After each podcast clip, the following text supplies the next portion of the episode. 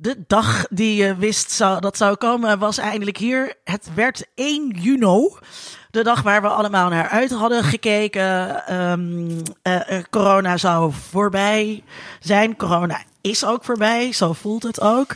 Ehm, en toch verliep het denk ik niet zoals we dachten dat het ehm, zou gaan. De terrassen zaten eigenlijk deze week helemaal niet zo vol. Viel mee. Ook toen het mooi Ja. weer was, vond ik dat meevallen. Ik ben wel onwijs lekker uit eten geweest.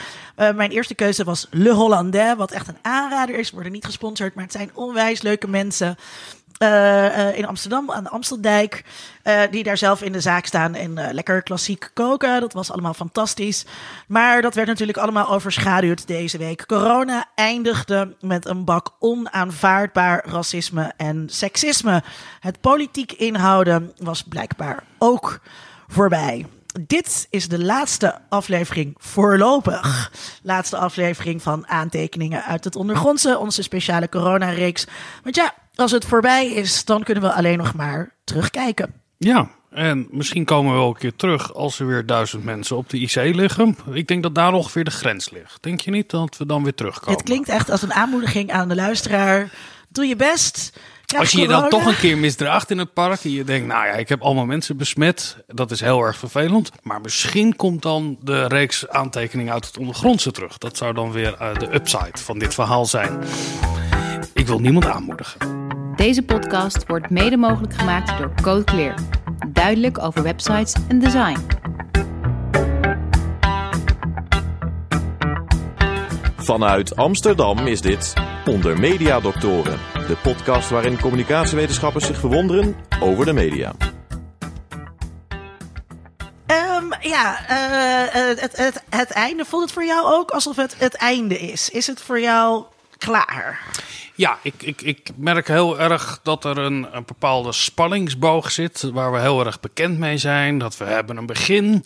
En dat deed me heel erg denken aan de klassieke Hollywood-film. Weet je wel, in het begin word je geconfronteerd met een, een disruptie van dat wat normaal is. Ja, Dan je leert de personages kennen. Precies. Eh, ja, dan leer je Van Dissel kennen. We leren Mark Rutte op een andere manier kennen. Dus de hoofdpersonages zijn duidelijk. En er Ja. zitten bepaalde plotpoints in.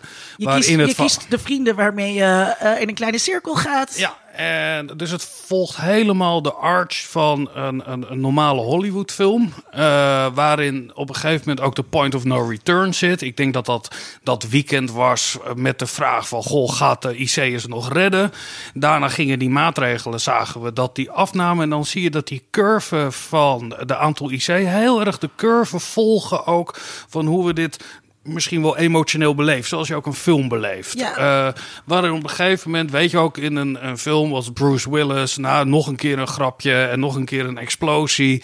Dan heb je altijd dat shot dat je overal die politieauto's ziet staan. En dan komt hij naar buiten en dan krijgt hij die kus van zijn eh, eh, object van begeerte of verlangen. En dan rijdt hij een beetje gehavend, rijdt hij weg. En dan denken we, nou, wanneer gaan we naar Die Hard nummer 7 kijken?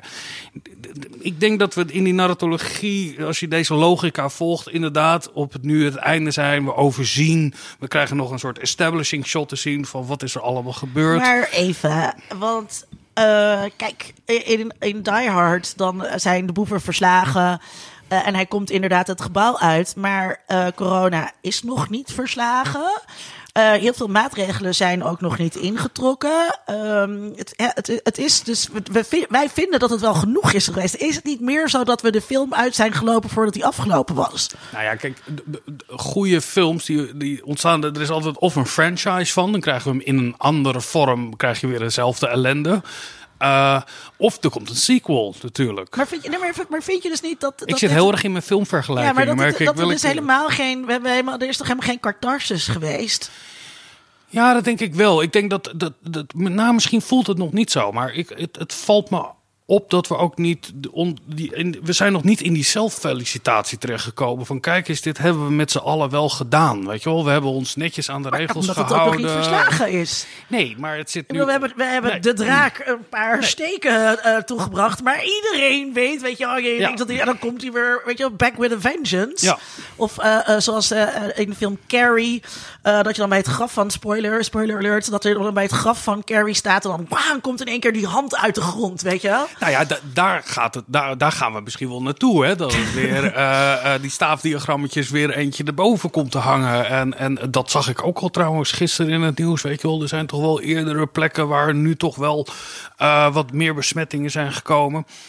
Maar ja, ik, kijk, net zoals in Hollywoodfilms waarin allemaal... ik zit even te denken aan Rambo. Als daar eh, de, de Vietnamezen worden doodgeschoten, krijg je ook niet het verhaal te zien over hoe is het eigenlijk voor die families van die Vietcong-strijders. Eh, die kinderen die alleen moeten opgroeien. Dat is niet het narratief dat geboden film. wordt. Ik kom even niet op de naam van die film, maar een beetje spoof is het, een parodie. En dan, oh, volgens mij is het in ehm Austin Powers, eh, dat ze dan, eh, weet je, want er gaan altijd heel veel henchmen dood, Ja. of minions, weet je wel.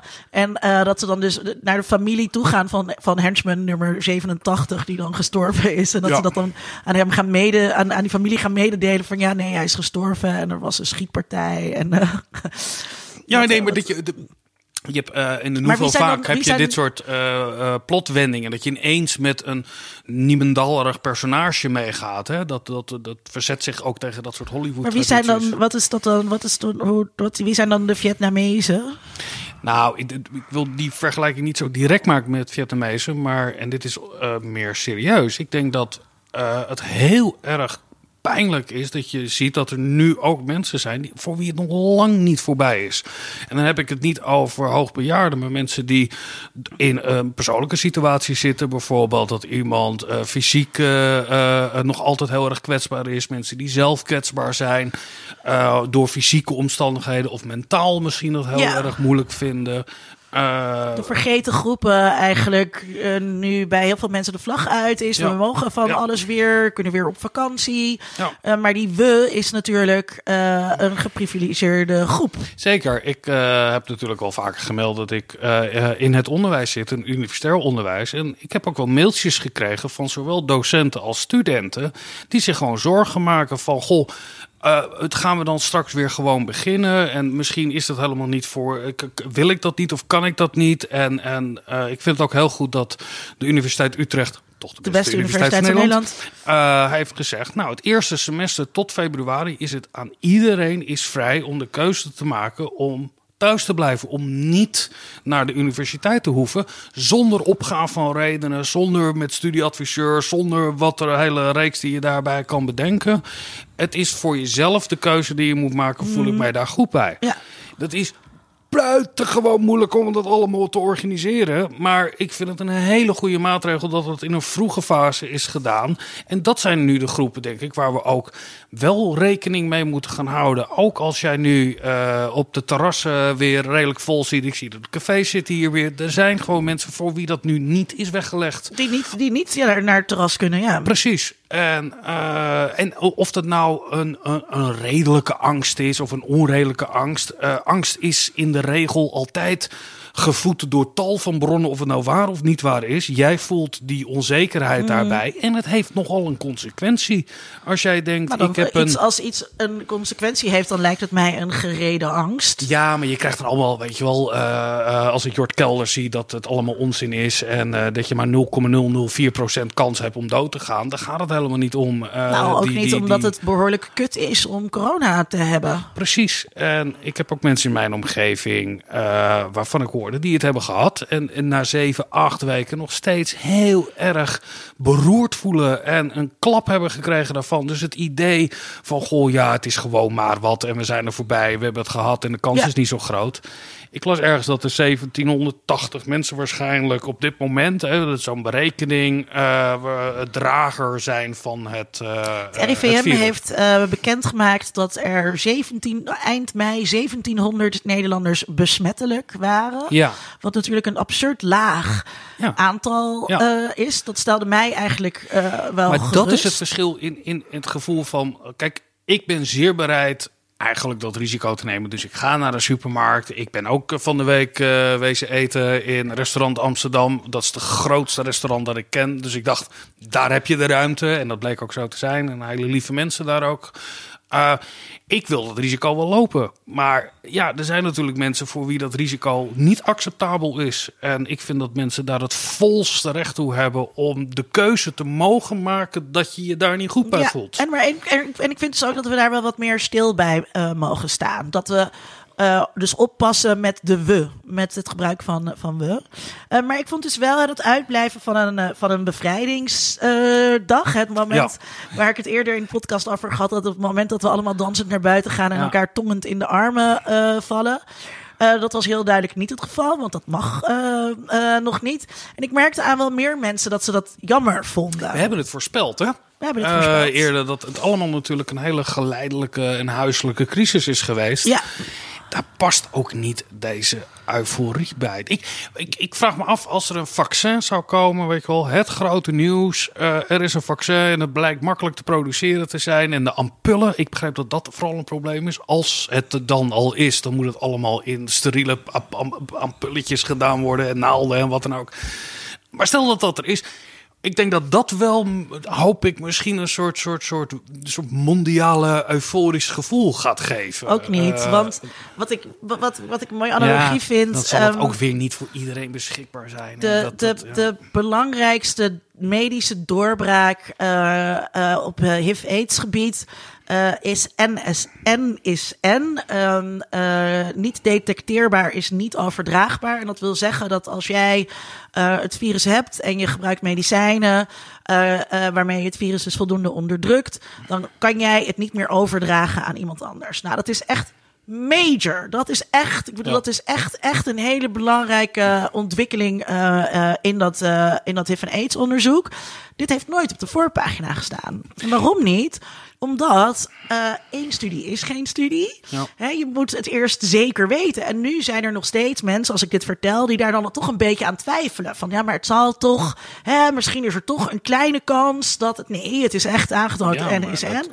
Ehm, eh, hè, dus, dus je wilt daar meer zekerheid op hebben. En dat gaat ook zo zijn als, het, als er een vaccin is. Zeker. Eh, ehm, dat, eh, eh, dan, ja, dan willen mensen meer zekerheid. Dus ook dat gaat niet. Dan gaat er ook niet een golf van opluchting de hele wereld over. Nee, maar we weten ook van HIV AIDS toen daar de eerste successen... HIV, ja. ja. is niet HIV? Nee. Waarom niet? Eh, ik heb dus ooit een keer een stuk geschreven met Pieter Broks over stigmatiserend taalgebruik rondom HIV Waar, en waarom is een afkorting dan? Ehm, het was met, ehm, volgens mij, eh, HIV klinkt heftiger dan HIV. Maar we zeggen HIV dus al een tijdje. Ja. Nou, HIV dan.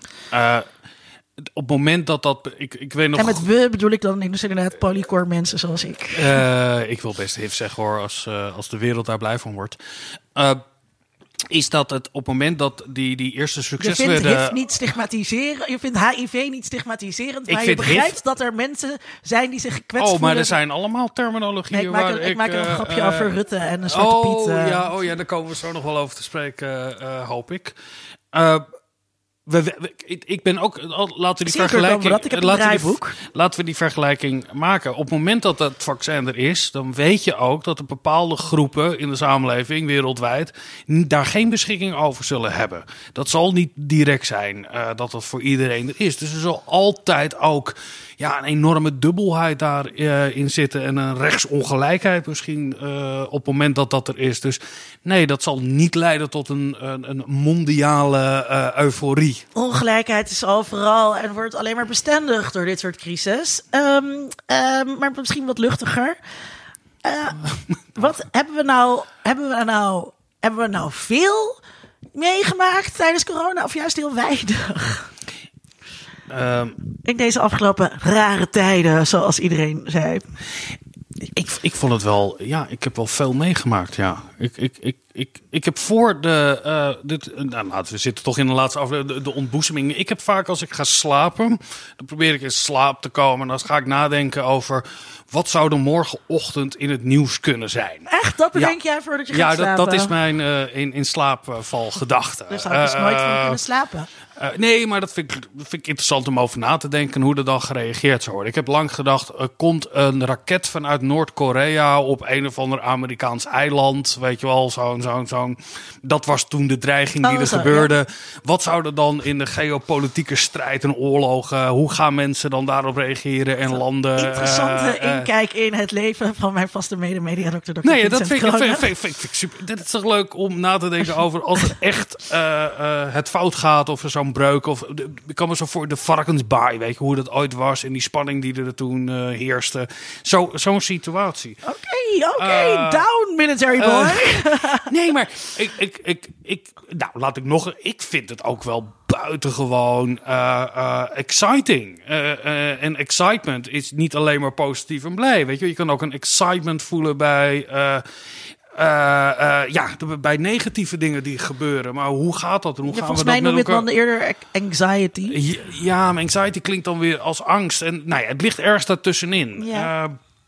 En ja, dat heb ik wel heel erg gevoeld de afgelopen drie maanden. Dat je eh, toch ja, de, de, de, de, scores een beetje bijhoudt over hoe wordt daar politiek op gereageerd. We hebben, eh, eh, het legt heel veel bloot. De afgelopen 19 afleveringen hebben we heel veel dingen kunnen bespreken die ineens bloot zijn komen te liggen over hoe wij in deze samenleving in Amsterdam, in Nederland, in Europa, wereldwijd, hoe er met dingen wordt omgegaan. Op elk niveau heeft het dingen duidelijk gemaakt. Ja. Hoe, hoe Nederland functioneert, hoe de EU functioneert, over de onderlinge verhoudingen die daar zijn, over eh, eh, hoe wij omgaan met bepaalde grondrechten, hoe wij nadenken over de wetenschap, over de medische wetenschap. Allemaal over, thema's eh, die we straks nog gaan behandelen in deze over- uitzending. Ja, die, ik noem ze even, dit is een, eh, dit is een eh, preconfiguratie in Bijbelse termen. Eh, ja, dat, dat, dus ik vind het een, eh, voor mij als, als iemand die graag over dat soort dingen mijmert en, en het nieuws bijhoudt en, en graag wil eh, dat, dat, ja, het zijn exciting tijden. De praktijk, hè, dus mijn dagelijks leven, Ja.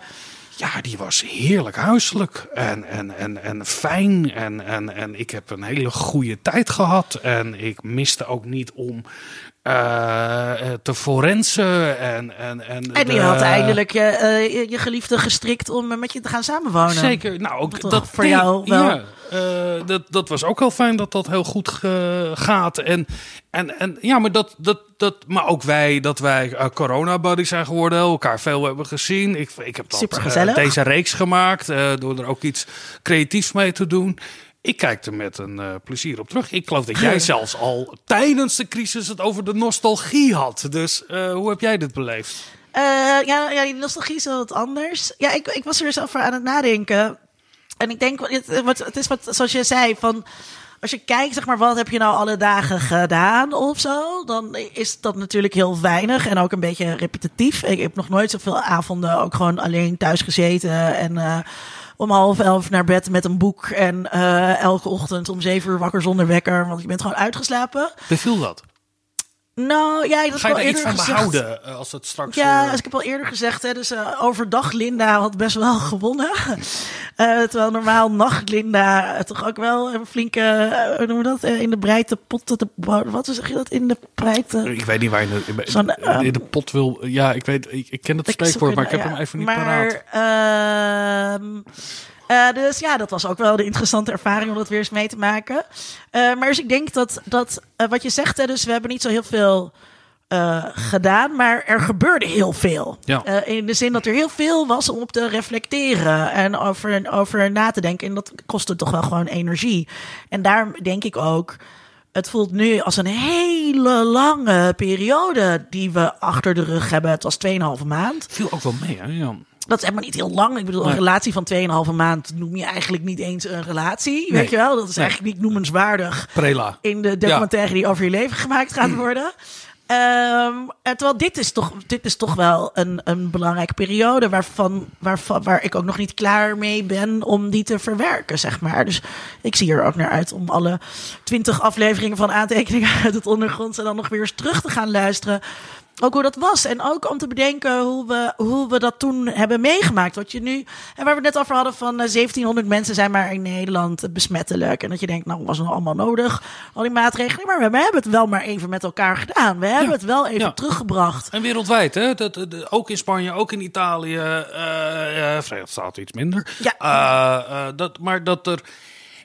ik, ik, ik, voor deze eh, crisis eh, heb ik wel ik geef toe, een beetje kroeggesprekken gehad. Wat is er nodig voor wereldvrede? Mijn theorie was altijd een aanval van aliens. Ja, dat is Eh, ook want mijn dat, theorie. Ja, dat brengt Dat ons samen. Ja. Dit kwam er toch best wel ook een beetje in de buurt, denk ik. Weet je wel, er was toch een soort idee van een soort externe vijand die we nog Een niet niet-menselijke kenden. vijand. Eh, en ehm, ehm, ja, en, en heeft, denk jij dat het eh, ons, ja, dit- nu de vragen stellen, kan ik hem. Ik, ik, ik heb een hoopvolle. Denk je dat er ook op een of andere manier het ons dichter bij, dat dichter bij elkaar hebben gebracht? In de zin van dat sommige dingen minder belangrijk zijn. Ja, ik zeg het terwijl ik het ook weet dat het niet zo is. ik denk dus, ik denk dus eh, dat eh, van deze corona-reeks Tony Krijnen de Adorno gaat zijn. Eh, eh, Tony Krijnen. Tony wint de Theo Award. Ja, dat, eh, ja. eh, eh, eh, want dat, en dat is dat Tony gelijk had. Eh, zij, eh, eh, eh, Tony Krijnen, televisiewetenschapper eh, aan de Erasmus Universiteit Rotterdam. eh, zij zei op basis van het onderzoek dat zij heeft gedaan naar Utopia. Waar er ook een lockdown situatie was van mensen kunnen niet wachten tot ze weer terug kunnen naar, naar hoe de situatie was. En dat heb je denk ik deze week gewoon heel erg eh, gezien. Ja. Eh, mensen willen weer terug naar die situatie. Ik vond het wel grappig. Ik was gisteravond op een feestje. En dan ook echt een echt feestje. En ehm, Heb je wel netjes gedragen qua afstand? Hoe nou, daar dat? ga ik het dus niet over Oh. hebben. Ik had dus blijkbaar de memo niet gekregen dat iedereen elkaar weer knuffelde. Ja. Dus ik kwam binnen en mensen wilden mij om de nek vliegen. Dus ik zei, wow, I don't hug. En eh dus iedereen ook een beetje. Toen was ik, toen was ik een beetje het gekke vrouwtje dat als enige niemand knuffelt. Jij was eh, ja, net Ossebaard van het feestje. Ja, Eh, wie is dat? dat is eh, de grote conspiracy eh, heldin op YouTube. Oh. Eh, enorme aanrader als je van het genre houdt. Ja, het is Oké, echt... oké. eh, Oké, oh, we zullen naar linken in de show notes. dat, eh, Maar, Bill eh, Gates schijnt eh, eh, in de elfde graad eh, familie te zijn van het eh, Britse koningshuis.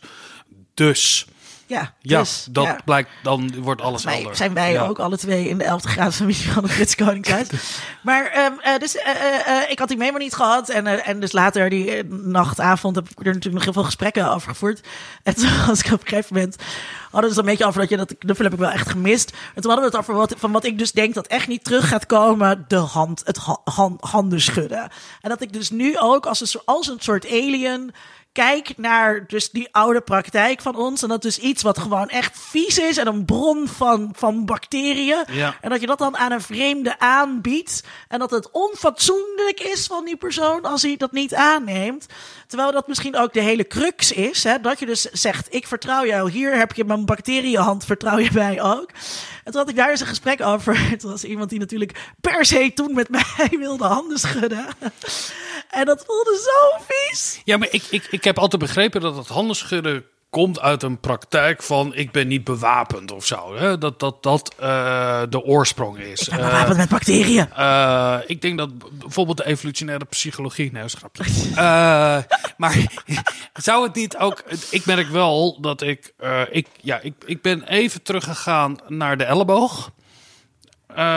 Maar ik, ja, ik zag ook geef nu wel elleboog een, geven, maar een ja, soort, het is zo soort kinderachtig. ja, het is ook een beetje onzin. Maar je, Ik vind je- geven zoekt is hetzelfde. nee, geven is hetzelfde als chips zeggen als je shit bedoelt. Maar weet je wat zo fijn is? Je Goor vind ik dat ook. het- Chips! Toen ik een klein kind was, had je van die tantes die je dan altijd kusjes wilde Oh, geven. ja, en dan wilde je van weg. Nu heb je de mogelijkheid om te, zonder dat je je hoeft uit te leggen, dat je zegt, nou, we doen even zo. Dat, dat is de hele. We doen even Maar- zo. maar nee, ik Eh, merkte dus en ik mag er nu voor kiezen om mensen Nee, wel niet. te Want ik geven. merkte dus gisteren op die vissa... dat ik dus wel echt de vreemde eend in de bijt was. En ik had echt het gevoel alsof mensen achter mijn rug... Om, Maar dat is omdat jij oud bent waarschijnlijk. Ook rest dat. heel jong is. Ehm, maar dat ze over me aan het rollen waren. Nou, is ook een beetje raar dat Linda ons nu niet wil knuffelen of zo. Dus dat, eh, dat, kan je, dat kan je nog maar heel kort doen. Ja, ja, ja, ik zou inderdaad de eerste die een hand uitsteekt bij mij. eh, ja, ja, ja, nee, ik. Ja, maar als jij straks op de, op de welkom Ja. terugborrel bent eh, eh, op het departement. Ja. En iedereen schudt elkaar dan dus eh, de hand. En jij bent de enige die dat niet doet. Ja, nou, dan, dan ben je de smetvreesige idioot. Dan ben, je, dan ben jij inderdaad de idioot. Ja. Hey, ehm, eh, laten, we, laten we doorgaan met de podcast. Want ik had een draaiboek gemaakt. En nee, er staat van alles in. Heel veel hebben we te bespreken. We hebben echt heel veel te bespreken in deze laatste aflevering. Waar we natuurlijk ook al meteen hartstikke sentimenteel over zijn dat het de laatste aflevering is. Laten we het even hebben over ehm, de wetenschap. Ehm, ik. wat, ehm, ja, wat hebben we geleerd? Nou, nee, niet Eh. over. Nee, maar nee, maar over, over, de, over de harde wetenschap. Niet over, niet Nee, over nee, dat softe, dat- nee, wat- gezwijmel wij de afgelopen Nee, ik zei, er- er hebben heel veel dingen zijn blootgelegd. En ook over eh, wat de rol is van wetenschap in de samenleving. Eh, dat, dat, ik denk dat daar eh, inderdaad dingen duidelijk zijn geworden. Zoals daar zijn. Nou, eh, wat ik heel interessant vond, is dat in Zweden, meen ik, eh, wordt het hele beleid bepaald door wetenschappers. En die zijn ook de woordvoerders over hoe dingen gaan. Daar kan je voor kiezen. Eh, of Zweden het allemaal heel goed heeft gedaan, daar wordt nu ook weer over getwijfeld. Maar zij waren de woordvoerders van het beleid. In Nederland heb je dat op een getrapte manier. Hè. Je hebt eh, de Mark eh, Rutte en dan heb je het Outbreak Management Team. Het die dan adviseert en, en, en daarin zit. Dat, dat geeft wel iets aan. Maar wat ik het interessante vind, is dat de wetenschap natuurlijk altijd iets is wat altijd weer ondermijnd wordt en waarvoor er iets nieuws in de plaats komt. En dat we heel goed hebben gezien dat dat inderdaad zo is. Dat de ideeën die er ook voor de toppers in het vakgebied, en dat geloof ik echt in Nederland, dat daar in ieder geval toegang toe is tot die kennis, dat we heel veel dingen niet weten. En dat er een enorm vertrouwen, of tenminste enorme verantwoordelijkheid wordt neergelegd bij wetenschap en wetenschappers. En nog steeds, als we nadenken over het ontwikkelen van een vaccin en dergelijke. Maar dat we wel, ik hoop, de samenleving heeft geleerd dat wetenschap een heel dynamisch, elkaar tegensprekend, morsig proces is. Maar dat is, is dat. Ik, ik vond het dus heel prettig om te zien hoe gedwee Nederland zich eigenlijk achter eh, die adviezen van het OMT heeft geschaard. Nou, oké, de wetenschap zal het wel weten. Ik vond het ook heel prettig om in een land te leven dat niet de VS is, eh, waar onze bestuurders Ja. niet twijfelen aan, aan, de, aan, de, aan de waarheid die de wetenschap eh, in pacht heeft. Zeg maar. Als er al iemand de waarheid in pacht heeft, dan is het toch wel de wetenschap. Ja, maar is dat zo? Dat is natuurlijk ook vanuit de oppositie. Er, als er, en... Nee, oké, luister wat ik zeg. Als er iemand de wetenschap... Hè, dus ik vind dat niemand heeft de waarheid in pacht. Maar als je dan iemand of een sector moet aan... dan is het wel de wetenschap. Ze staan hoog in de hiërarchie. Maar ook als je hoog in de hiërarchie Maar zijn, wie staat er heb dan boven? God of zo. segmenten in de samen. Nou ja, er zijn weer alternatieve interpretaties natuurlijk. Dat het RIVM natuurlijk eh mede maar- maar gefinancierd er wordt door de, wetenschap? Melinda. Wie vind jij? Wie vind jij? Dr. Vincent Kronen dan, dat er, als je, je moet, je moet kiezen. Ik heb nu een pistool Ja, op je ik. Ja, ik. Je- ja, Ja, ik. Ja, nee, ik vertrouw eh, eerder op mijn collega's, eh, waarvan ik weet hoe zij te werk gaan. nou, wees het dan gewoon met me eens. Ja, Oké, dus maar dat er zijn vond ik- andere krachten Ja, in de samenleving Ja. die dat natuurlijk niet doen. Oké, je moet iets minder Robert Jens kijken. Maar eh, dus dat vond ik, dat vond ik fijn. Ehm, dus ehm, eh, dus ik, ik denk dat, dat het heel goed laat zien, zeg maar, dat het met, dat vertrouw, met het vertrouwen in de wetenschap wel goed zit. Wat ik vervelend vond, en dat hebben we al eerder ook in de podcast benoemd, is dat eh, de politiek verhult dat er vervolgens op basis van wetenschappelijke adviezen beleid gemaakt wordt en dat daar dus nog een stap tussen eh, Ja. zit. Ehm, dat, dat, dat vond ik eh, vervelend. Dat is een beetje verschuilen achter ehm, ook. Ook tegen het advies van, eh, tegen het wetenschappelijk advies ingaan, hè, in sommige gevallen. eh, eh, zoals het sluiten van de scholen. Nou ja, dus daar, daar wil ik ook heen. Ik, ik, ik was op een gegeven moment werd ik ook wel een beetje sceptisch over die van Dissel die maar bleef zeggen: ja, nee, mondkapjes, daar hoeven we niet aan. En de stemmen waren heel luid op sociale media. Ik noem een Jaap Strongs. Eh, hè, over eh, de mondkapjes en we moeten allemaal aan de mondkapjes. Nou, kom op. Ik weet niet wat jij gezien hebt deze week, maar ik zie alleen maar mensen de hele tijd met hun handen aan hun mondkapje zitten. Op en af, op en af, op en af. Dat ik dacht, nou, die Van Dissel had toch gelijk. Het is niet alleen een schijnveiligheid, maar het maakt de situatie erger. Het is niet een goed idee om met je handen aan het mondkapje te zitten. Ja. Ehm, het, het doet mij- En mensen weten dat dus ook blijkbaar niet of zo. Of, of they couldn't care. Ik bedoel, je Ja. hebt nu ook, ik was ook gisteren met het pontje en toen moest ik ook een mondkapje op. Ja, dat vond ik ook stom dat ik dat op moest. Dus het was ook een beetje een soort van verzet van, nou oké, ik moet het, want anders mag je niet met de pont mee. Maar eh, ik, heb, ik heb geen enkel vertrouwen hier. En ik neem aan dat ik dat in de trein toch wel iets aan. Op de pont sta je buiten en er is heel veel ruimte voor de luisteraar die niet in Amsterdam woont. Of nog nooit met de pont is geweest. Ehm, eh, maar eh, eh, ik, ik denk dat ik dat. Maar dit is, ja. Weet je, oké, waar wou ik heen? Nou, wat ik heel mooi vind ook daarvan. Is dat de vervoersbedrijven, eh, de NS en andere GVB, schijnbaar aan tafel hebben gezeten. Ik stel me dan zo voor. En die zeggen: Ja, maar eh, we willen ook voor ons eigen personeel willen wel dat de mondkapjes op moeten. Waardoor eh, er een ambtenaar zegt: Ja, maar al gaan allemaal mensen gaan dan mondkapjes, eh, medische mondkapjes gebruiken. eh, die eigenlijk voor de zorg nodig zijn. Nou, dan gaan we. de- dit is een totaal product van poldering.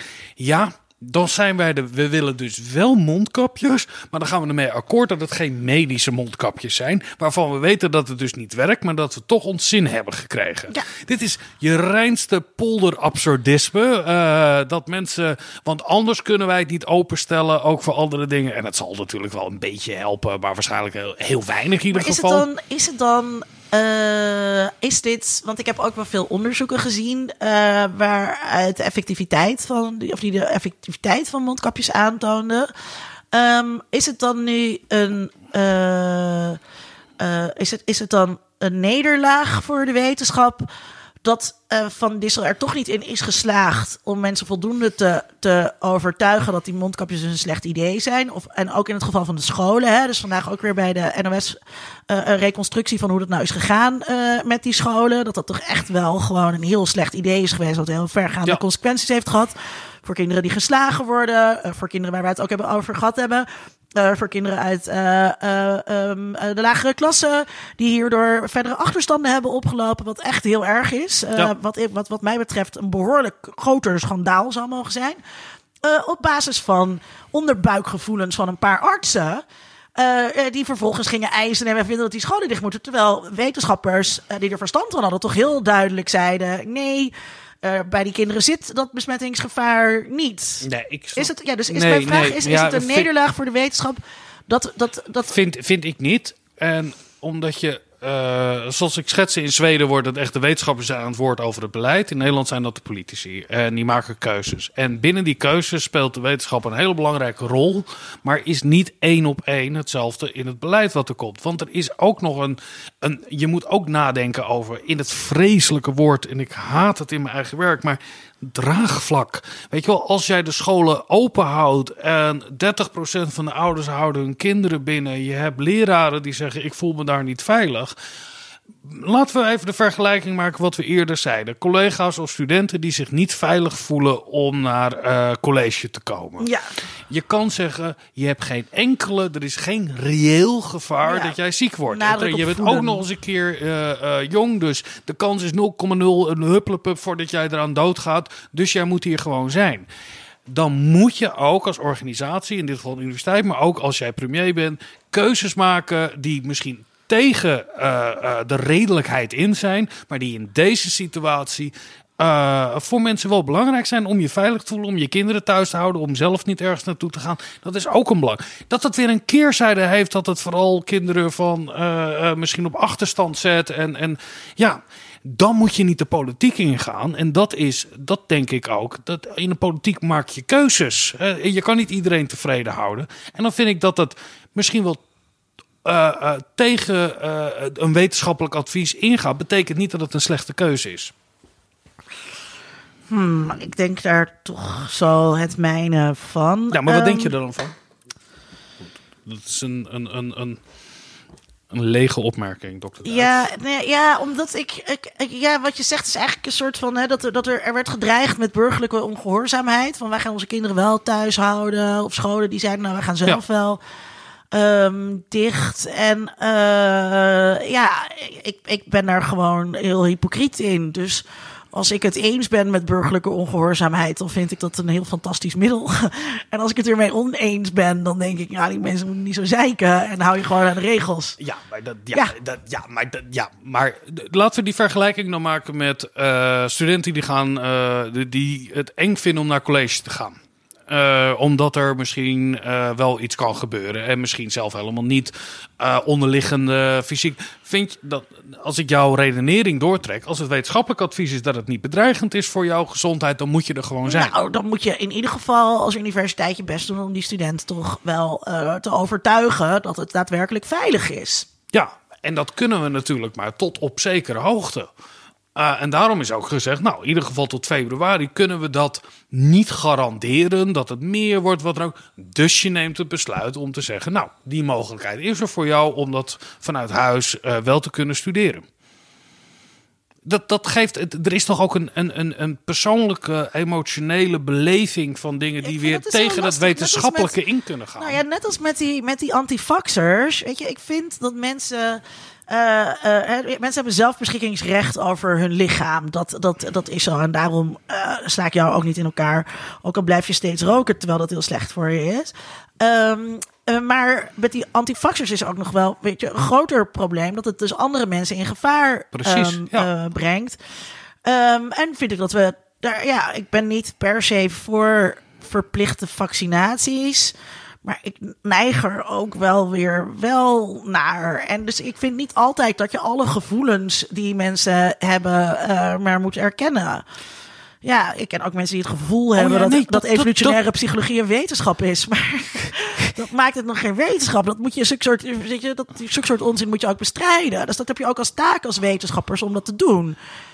Ja, dat, dat ben ik helemaal met je eens. En, kijk, en ik ben het zelfs zijn... ook met je eens dat op het moment dat, dat jij verschil... irrationeel gedrag vertoont wat anderen in gevaar brengt, dat je daar heel hard in moet zijn. Ik vind mensen die hun kinderen niet laten inenten, ik vind dat crimineel gedrag. Maar ik vind uh, ook niet alleen voor je eigen kinderen en je zorgtaak erin, maar ook voor anderen. Als de onzingevoelens van een student mij heel veel extra werk opleveren. Ja. Uh, uh, en collega's veel extra werk opleveren, terwijl iedereen toch al zo overwerkt is. Nou ja, dan kan je daar wel twee keer over nadenken. En dan heb ik het dus over de gevoelens van studenten. Er zijn ook studenten die daadwerkelijk die angst hebben omdat ze een longaandoening hebben of op een andere reden in een kwetsbare groep vallen. Maar dat vind ik nog wel wat anders dan iemand die gewoon een beetje angstig is. Uh, snap je? Nee, dat snap ik niet. Want ik vind dat je dat in eerste instantie, in een eerste fase van uh, dat dingen weer opgestart worden, je uh, als beleidsmaker dat onderscheid niet kon maken. Hetzelfde zoals Mark Rutte dat onderscheid niet kon maken tussen zijn er gewoon zeikerige ouders die hun kinderen thuis willen houden of eigenlijk niet naar kantoor willen, bladibla. Uh, daar zijn er, moet je, je, moet, tegen de wetenschappelijke er zijn, advies er in. zijn mensen die zich laten leiden door uh, uh, gevoelens die strijdig zijn met wetenschappelijke inzichten. Ik Ja. vind als wetenschapper dat je die gevoelens moet bestrijden. Niet met de knuppel, maar wel met het boek.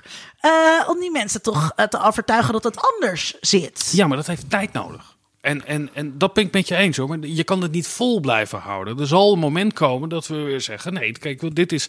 We weten nu meer. Er is meer uh, kennis over. We zien hoe uh, dit virus zich ontwikkelt. Dus nu verwachten we ook weer van werknemers bijvoorbeeld. dat je weer naar je werk komt. Maar bij Uh, en werknemers, dat werknemers worden daar wel gewoon toe verplicht. Dus mijn kantoorgenoot, die eigenlijk gewoon een kantoorbaan heeft, die uh, heeft gewoon te horen gekregen van over, over zoveel weken. Dan uh, gaan we weer op kantoor werken. En dan hoor jij er gewoon te zijn. Terwijl hij zegt, ik ga echt niet in het OV zitten, want het OV... Uh, daar ga wil ik ook echt niet in zitten. Want hallo, dat is even een death trap. Ik bedoel, als je denkt aan de meest onveilige Ja. situatie, is het toch wel niet, Ik vind dat niet slecht. mijn vrienden gisteren die allemaal over elkaar heen op de bank ik vind het slecht werk. op de bank lagen, want ervan weet je wie die mensen zijn. Maar het OV, kom op, dat zijn allemaal vreemden die de hele tijd met hun handen aan die, eh, aan die Ja. mondkapjes eh, eh, zitten. Je zit bij elkaar opgeladen. Ja, dat, dat, is, dat gaat de besmettingshaarden gaan dat zijn voor de komende tijd. Ik, ik, ik denk dat de kans dat je als je in het openbaar vervoer zit, eh, daar heel, eh, eh, dat je ziek wordt en doodgaat, heel klein is. Maar ik vind het slecht werkgeverschap als je je eigen werknemers verplicht dat te doen als dat tegen je eigen veiligheidsgevoel ingaat. Nou, maar en hier vind ik het dus niet alleen maar een veiligheidsgevoel, maar ook een veiligheidsratio.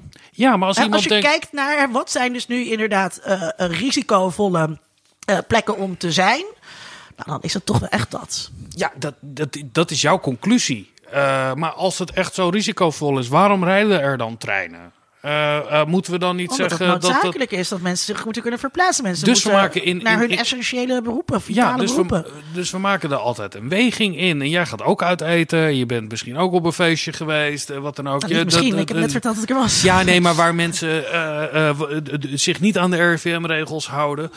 Ik vind dat je in beleid, en dat, dat is het punt, eh, eh, altijd ook de weging moet hebben over hoe mensen dat beleven. Behalve, en dan heb ik het over die anti, eh, antifaxers en wat dan ook, als je de andere mensen weer mee in gevaar brengt. Nou, u hoort het, zijn we nog niet uit, dat we daar Nee. niet helemaal uitkomen. Nee, dat, eh, Ehm, nog heel even over die wetenschap. Ehm, er wordt nu zoveel eh, medisch gerelateerd corona-onderzoek gedaan... dat de peer review het niet aan kan. En dat er dus eh, studies worden gepubliceerd. En eh, als een studie gepubliceerd is... Ja. betekent dat eigenlijk dat de wetenschappelijke gemeenschap zegt: dit zien wij als juist, waar. Dit, dit, is. Eh, ehm, en dat gebeurt dus nu zonder eh, dat, er gecontroleerd, dat er controle heeft plaatsgevonden, zonder dat data eh, gecontroleerd Nou, het gebeurt wel, maar veel sneller, dus minder goed en, en, en door minder mensen. Maar en- vaak ook dat de data pas achteraf, dus na publicatie, ter inzage Ja. worden geboden aan, eh, aan Ja. reviewers. Heel begrijpelijk overigens, hè? Dat, dat, dat de wilder is dat we snel resultaten willen hebben. Vind of jij echt- ik vind dit een, echt een oud malaria-middel kan Piek- inzetten met een beetje zink erbij. neoliberal wetenschap. top Wat zo indruist tegen de waarde van de wetenschap. En eh, weet je, de- dus het is nu voor al die. Dit zijn voornamelijk onderzoeksteams. Hè? Dus anders Ja. dan in de geestes- en de sociale wetenschappen. zijn het vooral mensen die in een team werken. Het is scoringsdrift. Oh, hè? Dat- absoluut. het- ja, het- dus ze willen dit- heel graag scoren. Dat moet ook. Het is niet Ja. alleen ze willen scoren. Je Ja. moet scoren, want daar word je op afgerekend. En als je dat niet doet, eh, eh, dan kom je dus niet mee in de vaart der volkeren. Hè, publish or perish. En zeker voor die groepen geldt dat nu. En dat betekent ook dat iedereen elkaar aan het concurreren is. En nee, een neoliberale luisteraar, concurrentie is niet altijd beter. Het betekent dat mensen eh, ehm, eh, minder samenwerken, eh, ehm, eh, aan hetzelfde werken, maar als eerste dat, willen, dat naar boven willen brengen. Ehm, dat, is hard, dat is hartstikke slecht. Het gaat ten koste van zorgvuldigheid. En er zijn al hele prestigieuze universiteiten ongelooflijk op hun bek gegaan met aankondigingen over: goh, we hebben dan wel een vaccin. Of dit is een goede methode. Of we hebben antilichamen. Hè, En bureaus communicatie die daar ook zo geil van werden. en dat zo aan de eh, grote klok wilden hangen. Van wij gaan de eerste zijn. Ook echt, oh, schaf bureaus Ja. communicatie af. Nee, maar het, het, het- we zitten nu een beetje eh, de nieuwe Olympische Spelen voor wetenschap. Hè. Wie kan als eerste brengen over of een vaccin of antilichamen of testen, wat dan ook. Ja, dat daar. En, en los van de prestige zit daar natuurlijk ook een ongelofelijke big pharma achter. Die eh, hier zijn miljarden te verdienen. Als je één. eh, eh, ja, de, de, als het een economische. De, de vraag is er. Het aanbod is er niet. Dus ja, als jij de aanbod kan geven bij een gigantische vraag, dan ben jij binnen. Ik heb dat nooit. Ik begrijp dat dus nooit goed. Hoe dat nou precies zit. Want ik weet hè, dat, dat de farmaceutische industrie eh, sponsort heel veel onderzoek. En onderzoek is duur en daar is geld voor nodig.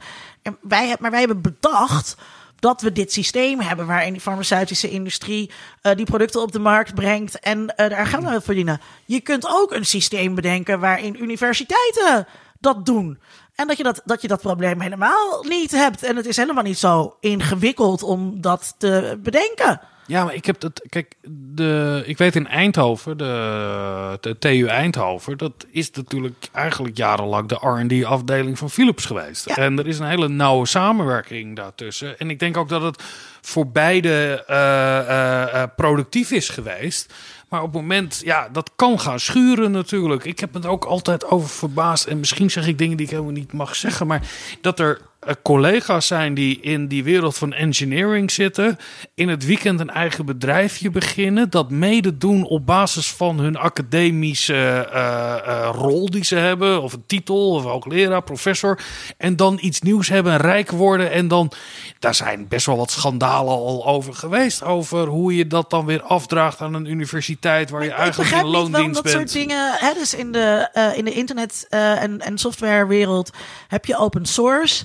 Eh, eh, software eh, waar, Ja. waar iedereen aan de, de code kan zien en iedereen eraan kan sleutelen en, en heel veel dingen gratis beschikbaar zijn. Waarom is dat niet met medicijnen? Ja, het, het, het- ja, Is er misschien een luisteraar denk- die me dit kan uitleggen? Ja, ik neem aan dat dat ergens contractueel wel vastgelegd is.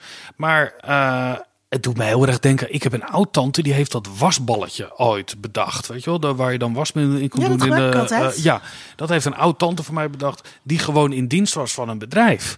En dus ja, daar nooit rijk mee is geworden. Want ja, het is gewoon je taak om slimme dingen te bedenken. Ja. Eh, net als degene die de flippo's heeft bedacht. Die was ook gewoon in dienst bij marketingafdeling. Zo zijn er voorbeelden. En zo zou het ook moeten zijn. En zo zou je het ook helemaal niet anders moeten willen, denk ik. Als jij binnen een academische gemeenschap hoort. Als daar veel geld mee verdiend kan worden. Hartstikke goed kunnen we weer mooie andere dingen mee doen. ander onderzoek doen. Dat is toch super als jij hoogleraar bent. En trouwens, als hoogleraar verdien je een heel redelijk salaris. Je hoeft geen miljonair Je te hoeft- worden. maar je hoeft ook helemaal niks geld te verdienen met je wetenschappelijke eh Nee. eh, inzichten. Ja, ik een zou- beetje geld is. Ik bedoel, ik bedoel, een salaris is fijn. Ik, ben- ik zou- natuurlijk ook mijn geld in, eh, Ja. als ondernemer op de markt. Met onder andere wetenschappelijke inzichten. Maar ik ben niet rijk. Steun ons via Patreon of de doneerknop. Nee, maar ik ben echt benieuwd als er een luisteraar is die in die je medische er geen miljonair mee te worden, ja. wereld zit over hoe, ja, maar hoe leg je uit aan je collega's? Je zit in een onderzoeksgroep, stel ik me voor. Hè? En dan doe je allemaal onderzoek. En dan opeens zien we Gerrit wat minder. En hij heeft Gerrit een eigen bedrijfje opgericht. Waarin die met alle kennis en vaardigheden die je als groep hebt ontwikkeld. Gerrit opeens miljonair is geworden. Hoe, Ja. hoe leg je dat uit aan je collega's? En hoe leg je dat uit aan jezelf? Misschien zitten we er helemaal naast. Hè? Dat moet ik maar wel is even inderdaad, als er iemand is eh, eh, Ja. die dit uit kan leggen, waarom dit systeem op deze Zeker manier... wij als mediawetenschappers zijn een beetje jaloers dat wij nooit de grote uitvinding zullen doen om eh, rijk te worden. Nou ja, patenten, daar gaat het vaak over natuurlijk. Ja, ja. Ehm, maar dus, eh, oké, dit blokje kunnen we afronden met boe, kapitalisme. Ehm, eh, onze redacteur ehm, Marius, die eh, is er niet bij. U kent hem van hitjes als.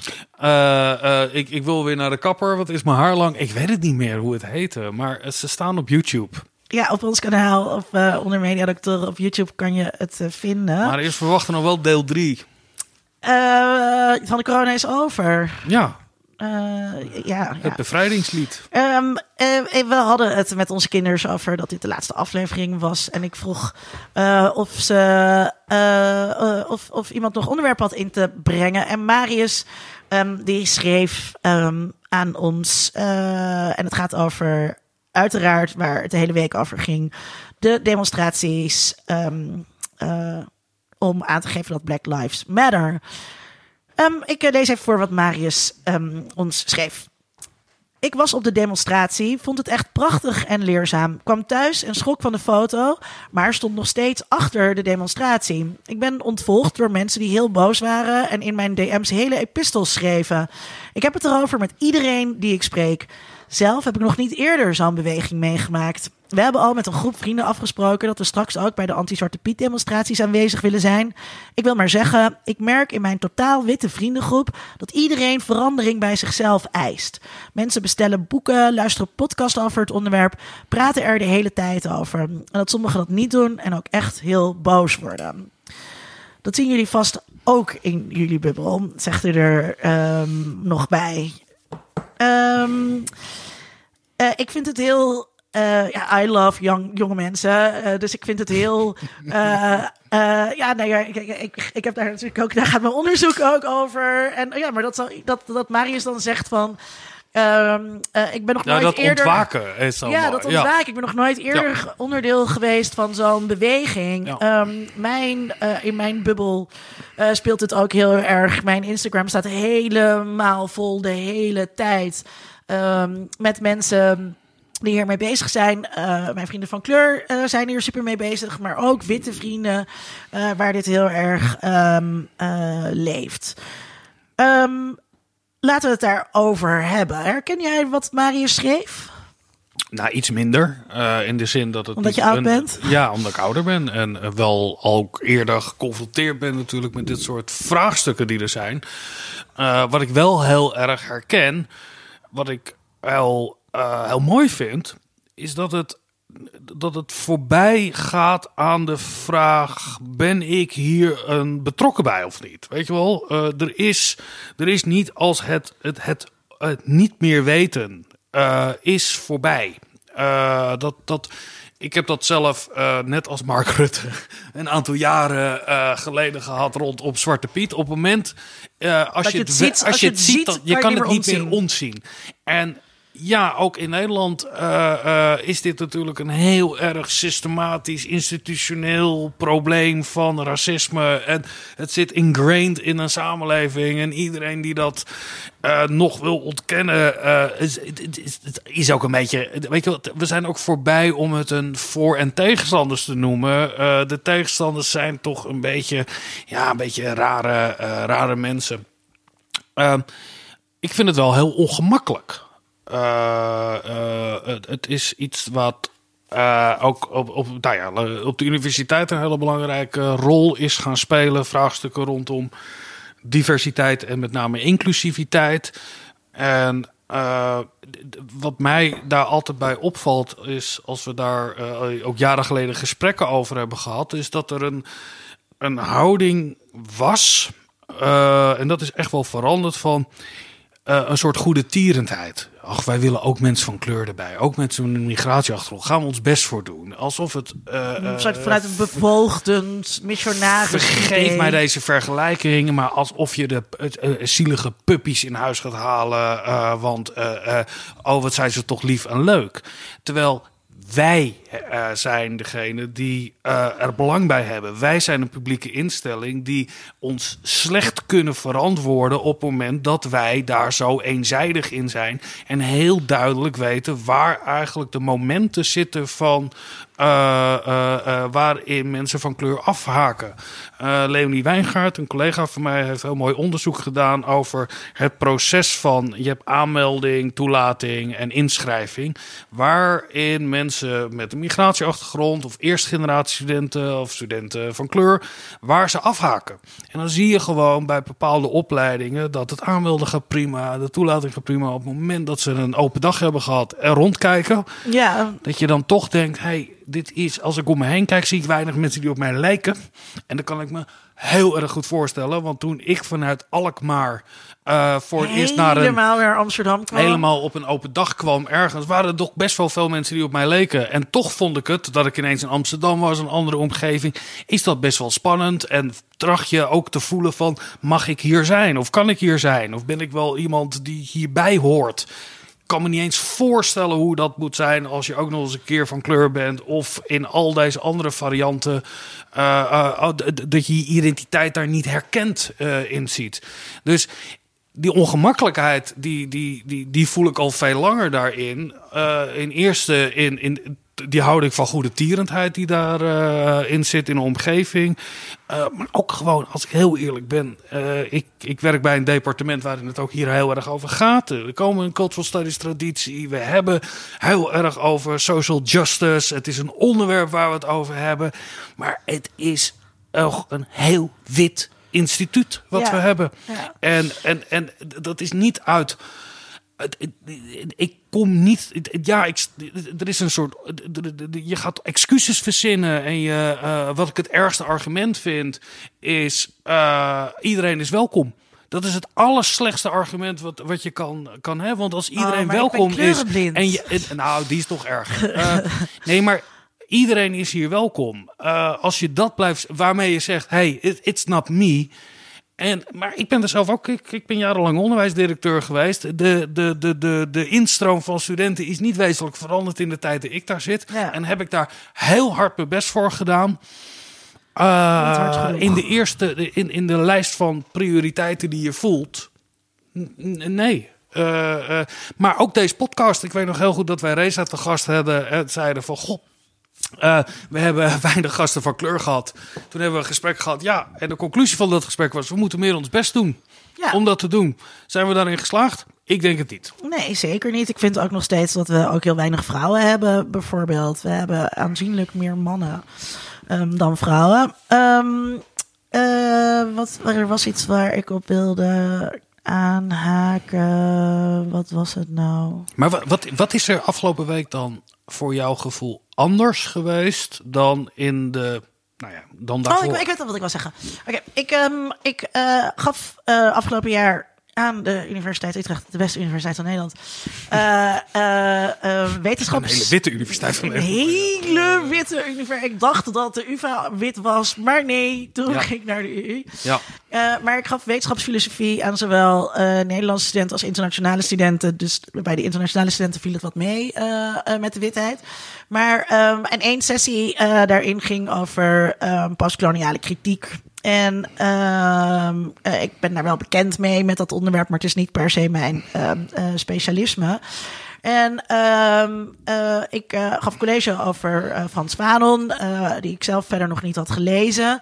En wat, hij, wat hij schrijft raakte mij heel erg. En dat is namelijk, wij komen uit een systeem van kolonialisme. Dat zit zo in ons eh, denken. En Fanon laat heel erg zien hoe eh, eh, in de koloniën er een bovenlaag was van de lokale bevolking. Die die eh, ehm, vooroordelen en aannames en racistische retoriek overnam van de witte onderdrukker. Dat zelf eigenlijk ook een beetje ging vinden. En, het, en, en, en Fanon eh, zegt dan tegen die mensen: ja, dat moet je, dat moet je eh, uitbannen. Dat is, dat is als, een, als een ziekte die in ons eh, zit. En dat moet je proberen uit te bannen. En ehm, eh, Nancy Jouwes was deze week bij op één. Nancy Jouwes is een super toffe docent die zich onder andere bezighoudt met, eh, eh, met de multiculturele samenleving. En ehm, zij zei dat ook. Hè? Wij, wij komen uit kolonialisme. Dat zit in ons denken. Wij leren de hele tijd op school hoe de superieure witte, superieure witte mens. Hè, manifest Destiny. En dan wordt er wel een beetje gezegd van, nou ja, weet je wel, eh, dat was misschien niet echt zo dat wij de beste religie hadden en dat we die de wereld over moesten brengen. En het was ook een beetje een frame om gewoon te kunnen plunderen. Ehm, hè, maar het, het, het, je neemt het over als wit persoon. Neem je het over. Ook als zwart persoon. Eh, ja, ook als Het- het, zit in een hele samen. Nee, maar het gaat, ik wil het even hebben over dus het racisme dat in ons witte mensen eh, zit. Ik heb veel gereisd en overal in de wereld word je als wit persoon eh, met egaars behandeld. Dus je kan gewoon als een smerige backpacker met ongewassen haar Ja, en gore ja. kleren een vijf hotel in Algerije binnenlopen omdat je per se alcohol wil drinken. Eh, en, eh, en dat mag. Ja. Er is niemand die dan Ja. Hè, dus alle deuren voor je, eh, gaan voor je open. Eh, wat, wat dat idee bestendigt. Dat je als wit, of wit persoon eh, superieur bent. Er is zo'n witte Amerikaanse activist. ehm, en ze, ze is zo'n heel bekend ding van haar. Dan zegt ze tegen haar publiek. Alle, me- alle witte mensen hier, zou, je, zou jij het oké vinden als jij behandeld werd zoals wij zwarte mensen behandelen? Ja. Steek je hand op. En natuurlijk steekt niemand zijn hand op. Je weet het, zegt ze dan. Louis C.K. heeft een hele mooie. En die zegt: eh, Stel je voor, je hebt een tijdmachine. En je mag overal het verleden toe waar je naartoe wil. Eh, ehm, eh, waar ga je naartoe? Eh, nou, dan, dan, zijn routine gaat verder. Hij zegt. Het, hij draait hem om. Hij zegt: oh, Het is zo fantastisch om wit te zijn. Maar ik kan overal in de geschiedenis naartoe. En ik heb geen probleem. Als jij een zwart persoon bent en je zegt: Ik heb een tijdmachine. Je kan overal terug in de tijd. Nee, Nee. dat wil je helemaal niet. Nee, Nee. En die, vraag, die, wat die ook, die, die, in, in, ik ken het fragment van iemand zegt: Wil je ruilen? Hè? Ga jij als zwart. Maar dit zit nog heel erg op het niveau van bewustwording. Weet je wel, moeten we doorzien dat er zoiets is als institutioneel racisme, wat in ons zit, eh, wat in, in alle mensen in deze instituties zit. Ja, maar, maar ook wat, wat, wat, ja, wat, wat, ook als je eh, van kleur bent, weet je wel, dat dat geïntegreerd zit in je eigen denken. Eh, we kennen de verhalen over het nadenken over je eigen schoonheid en over daarin je verhouden tot een andere norm. Eh, nou ja, het- ja, en ik, ik, ik, ik hoop, wat, wat ik, wat ik moeilijk vind, is in de discussie, en, het, en dat zeg ik me heel voorzichtig, maar het, ik zie ook geen productief nut, of ik vind het niet productief in dat er een soort vraag van boetedoening zou moeten komen. Vanuit een wit perspectief. Ik vind dat veel te goedkoop uh, voor dit debat veel te oppervlakkig om te zeggen van oké. Uh, er is een boetedoening die wij nu gaan kijk, doen. Boete, het, het, het spijt me is een lege. Ja, uh, maar kijk, okay. boetedoening is natuurlijk een, een religieus, religieus idee. Waarin jij repent. Hè? Je, je, ik weet even niet hoe je dat in het Nederlands vertaalt. En uh, dat, gaat over, dat gaat over jou individueel. En jij individueel bent niet schuldig aan de zonde van je voorvaderen. Maar als land of de instituties uh, die wij hebben, die gebouwd zijn op deze geschiedenis, zijn dat wel. Want die instituties en het land bestaan al veel langer. Ja. En die, daar uh, ligt wel degelijk je eens. een schuldvraag. Ja. En, een verantwoordelijkheid. maar Een- ook een, een- schuldvraag. En daar moet dus ook boetedoening zijn. Ja, en dat, dat ben ik het helemaal met je eens. En zoals eh, eh, Dus dat Mark, ook. ik vind dat Mark eh, Rutte eh, excuses moet aanbieden eh, eh, voor onze koloniale geschiedenis, voor onze rol in de eh, transatlantische slavenhandel, voor dat Ja. soort dingen. En dan zegt Mark niet zelf. Ik ben schuldig. Hè? Dat gaat niet over Nee, Mark Rutte als privépersoon. Maar het gaat over Nederland als land is daar schuldig aan geweest. En dat vind ik dus, hè, als het over, over daarom vond ik zo goed wat Nancy, hoe Nancy jou dat zo benadrukte.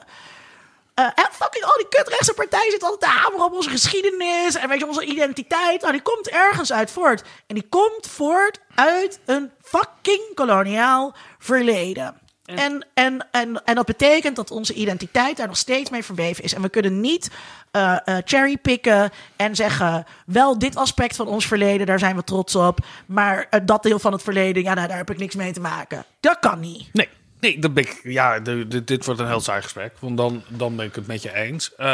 Kijk, dat verleden is grijs. En, en, en, en, en, en, en, en Het verleden is vies. Het is gewoon goor, het is bruin. Sorry hoor, maar het is gewoon bruin.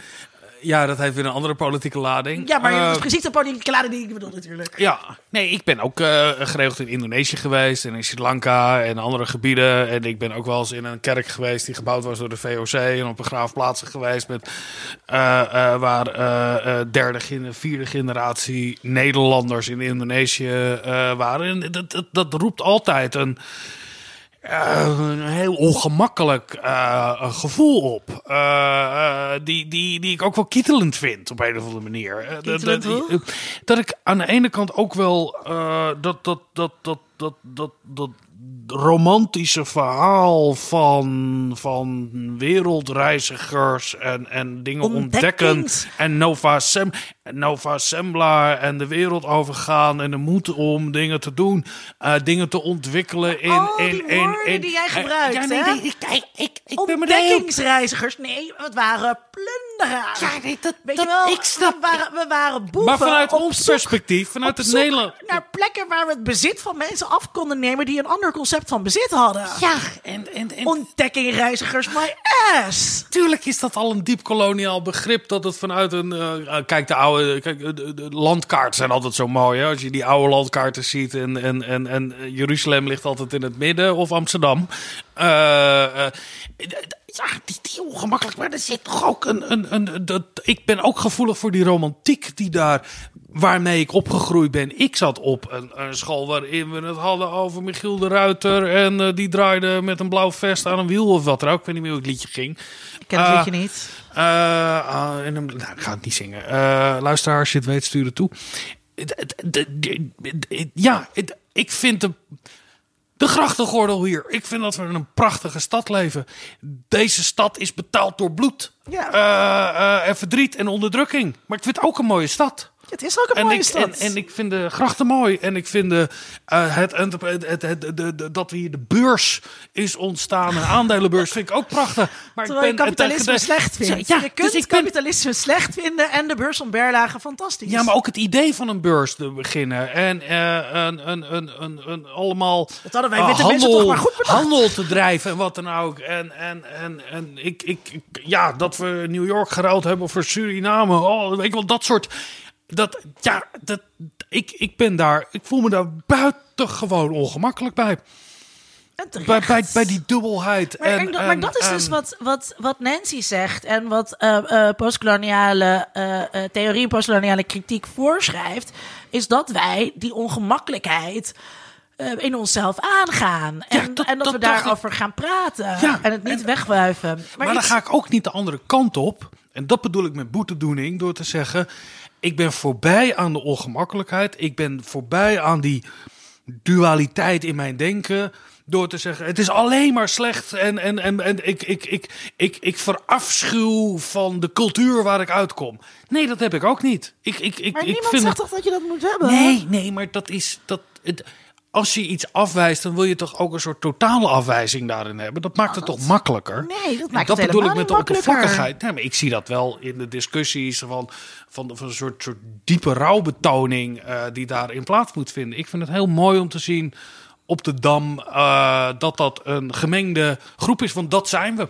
Eh, met z'n allen. En dat vind ik heel mooi. En dat we niet zeggen, nou, als jij er een probleem mee hebt omdat je zwart bent, dan ga je weer op de dam staan. Om daar te, eh, en dan kijken we wel wat we ermee doen. Ja. Of dienen een eh, verzoek in. Nee, dit is. eh, ik, ik, ik vind de mensen die dit hebben aangejaagd. eh, eh, de, de shit die die mensen Oh over man, zich heen ja, krijgen. laten we En- even een shout-out doen naar Quincy Gario Ja. en Jeffrey Afriem. ja, de, de shit en de, en, en de klasse en, de- en, en de, de elegantie waarmee zij daarop reageren. Godverdomme zeg, wat doen zij dat fantastisch. Ben Ja, ik vind dat echt diep helden. van onder de indruk. Ja, ik ook. En ik, en ik, heb, ik, denk ook dat, dat zij in de geschiedenisboeken zullen staan als de helden van deze tijd. Hé, hey, maar waarom denk je dat het nu... eh, want, want die, want die eh, demonstratie was een stuk groter dan dat iedereen had verwacht. Ook de organisatoren Ja. eh, hadden niet, zagen dat niet aankomen. Ik merkte het zelf. Ik weet niet hoe dat bij jou was, maar ehm, eh, de busde gewoon heel erg... eh, in mijn vriendenkring. Zeker, Eh, ja. eh, van ga je, ga je erheen, ga je er niet heen? Als Ik heb- Femke mij had geappt, dan had ik het er wel kunnen vertellen dat er meer dan 500 zouden Ik, had, worden. ja. eh, ik, zat, ik heb zelf heel erg getwijfeld. en ik had geen mondkapje en geen handschoenen. Dus wat, dat was voor mij doorslaggevend. Excuses, Linda. om Dat, niet te gaan. Ja. En toen kreeg ik dus eerst van, toen ik dat had getwitterd van, ik, ik ben er niet fysiek bij, maar wel solidair met Black, Black, Lives, Black Lives Matter NL. Kreeg ik van rechtse twitteraars, oh, een beetje salon linkse kut en blablabla. Zeker. En eh, weet je wel, je, Dat je zullen gaat- ze je- zeker doen, ja. Je gaat er niet eens staan. En toen eh, waren er dus heel veel mensen. En toen kreeg ik van diezelfde mensen, die gingen allemaal zeggen, er waren, te veel mensen. Ja. Maar, waarom, dus, maar, maar mijn vraag was, waarom denk je dat het nu... eh, dat het nu zo groot is. Of dat het, wat Marius ook schrijft, dat het eh, in zijn witte vriendengroep nu zo Ik heb leeft. werkelijk geen idee waarom. weet je wel, want, want, want eh, de, eh, Floyd, eh, die dan vermoord is, dat is een, in een lange reeks. En ik heb een beetje zitten mijmeren. Zou het iets met, met, met, met COVID, nou, in de corona en, en, en lockdown te maken Mijn, hebben? mijn theorie, wil je mijn theorie horen? Ja, ik, ik ben er nog niet uit. Mijn theorie is dat, en dat hebben we vaak benoemd in, in deze reeks aantekeningen uit het ondergrondse. Ehm, eh, de coronacrisis heeft bestaande tegenstellingen vergroot. En het vergroot bestaande ongelijkheden, hè, waar, waar we het al over hadden, over die, over die leerachterstanden die ontstaan bij, eh, bij eh, kinderen uit de lagere klassen. En we hebben de hele tijd gezien en gehoord hoe mensen van kleur onevenredig hard getroffen worden ook door, door deze crisis. En dus het zet die tegenstellingen op scherp. En we hebben hier in Nederland in ieder geval eigenlijk een soort van besloten. Daar hebben we het ook over gehad. We're going to rally around the flag. Bijdrage van Tom van der Meer. Hè. We scharen ons achter eh, onze leider. Dit is even niet de tijd voor politiek. Dat hebben we een hele tijd gedaan. En op een gegeven moment borrelt dat dus op.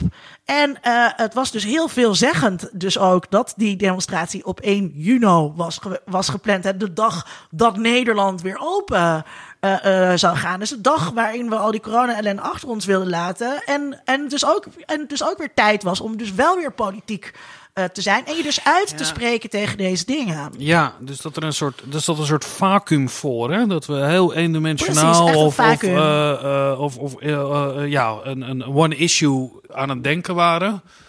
En dan kwam dit voorbij. Ja, terwijl het natuurlijk ook heel treurig is. Kijk, dat, dat hij, deze man, vermoord is door een agent. dat, dat is heel erg. Maar dat er tientallen mensen die uit een lagere sociale klasse komen, maar in een oververtegenwoordiging is van mensen van kleur. Dat, dat is natuurlijk het echte drama wat er plaatsvindt. Nou, volgens mij... en, en, en, ik wil niks afdoen, en het gaat niet om aantallen, dat om even voor alle duidelijkheid. Maar de, de, de, ik, ik, ik geloof dat de definitie van het probleem gelaagder is dan kleur. Uh, uh, alleen. Uh, en, en, en, en, en, en om dat te doorzien, ook in Nederland, over waar we het hadden over scholen die dichtgaan en wat dan. Daar, ik, ik, ik ben te marxistisch om, om, om ook niet te zien dat dit een klassenvraagstuk is uh, die hier onderschuil nou, ja, Het vraagt uh, om een intersectionele uh, analyse. Um, Trevor Noah had een hele mooie reflectie zeg maar, op, op het protest en ook op de vraag um, wat, wat plunderen. Hoe je dat plunderen nou moet zien. Um, maar allereerst, hij, hij had het over. En ik denk, waarom is dat beeld van, van George Floyd zo krachtig? We zagen het en het duurde lang, hè, negen minuten. Maar vooral de, de coolheid, zeg maar, de kilheid van die agent. Die triomfantelijke rotkop, ja. En, en dat maakt het en erg. Ja. Hij, je ziet aan hem dat hij weet dat hij dit kan doen. Ja. De vanzelfsprekendheid die daarin zit. En dat, uh, zei Trevor Noah, laat dus heel goed zien. Dit gevoel waar wij het over hadden, hè, van witte superioriteit. Hoe je, hoe je jezelf het is. Ja, maar ik zou zeggen, het is als ik word opgepakt hier in Amsterdam, ondenkbaar. is het ondenkbaar, ondenkbaar, dat ik zo behandeld word. En ik steek mijn hand niet in het vuur dat als je zwart bent, dat het in Amsterdam anders is. Uh, dat dat ook kan gebeuren. Dat wat, uh, wat, ja, zeker. Maar dat, dat ik makkelijker behandeld word met, dan... Met, uh, uh, Mitch Enriquez. En er zijn natuurlijk ook heel veel gevallen ja. van waar, dit, ja. waar dit in Nederland gebeurt. Um, wat Trevor Noah ook zei, wat ik ook interessant vond, was... Um, eh, Trump zei op een gegeven moment: I'm the president of law and order. Maar wat deze demonstranten willen, is law and order. Zij willen dat iedereen voor de politie gelijk behandeld wordt. Zij eisen iets dat niet bestaat in Amerika en ja. ook in Nederland uh, uh, niet bestaat. En op het moment dat het sociaal contract waarvan jij soort of min of meer verplicht was om dat te tekenen, omdat je als zwart persoon uh, geboren bent in een van deze landen, op het moment dat, dat de andere kant zich niet aan dat sociaal contract houdt, waarom zou jij je er dan nog aan houden? Nee, ik, ik, ik, ik zag. ik luister een podcast moet iedereen doen, zoals deze, uh, Explained van Fox. Uh, waarin de geschiedenis van de Antifa werd uh, besproken. En dat, kijk, de, hè, de geallieerden waren natuurlijk de, de ultieme Antifa. Ja. En je had ook al in Weimar, Duitsland, had je bewegingen die zich op die manier benoemden. Komt die vlag ook vandaan, bla bla bla. Maar de kern is, op het moment, in een punkbeweging in de jaren 70 kwam het heel erg op. Als punker ga je niet tegen de politie zeggen: dit zijn een stelletje kutfascisten die uh, opruimende, uh, die sla je zelf in elkaar. En dat is ook precies wat er nu gebeurt in die protesten. Als jij tegen, je ziet dat er een systematische onderdrukking is, ga je niet uh, binnen het, het, het, rechtssysteem. Het rechtssysteem zelf is racistisch. Dus je moet je eerst het rechtssysteem omverwerpen. En dat is natuurlijk een radicaal linkse perspectief. Um, ik weet niet of dat een radicaal links perspectief nou, ja, is. Want het is ook een radicaal wat, perspectief. Nou ja, is een radicaal, want dat is ook natuurlijk wat Forum voor Democratie zegt. We moeten een lange mars door de instituties. Ja, omdat is gewoon radicaal. Verscho ja. verschoond moeten worden. Um, we, we, weet je waar ik wel bang voor ben? Ook ik, ik denk ook. Nee, nee, helemaal niet. In de VS? Nee, ik. Denk dat je er. het uitrijdt op burgeroorlog in de VS? Nee. Is dit niet al burgeroorlog? Nou ja, dat, dat, dat, kan je allemaal. Dan moeten we historici voor vragen voor definities daarvan. Nee, dat denk ik zeker niet. Maar ik denk dat er ook krachten zijn, internationaal, maar ook binnen de Verenigde Staten, die hier belang bij hebben. En dit voeden.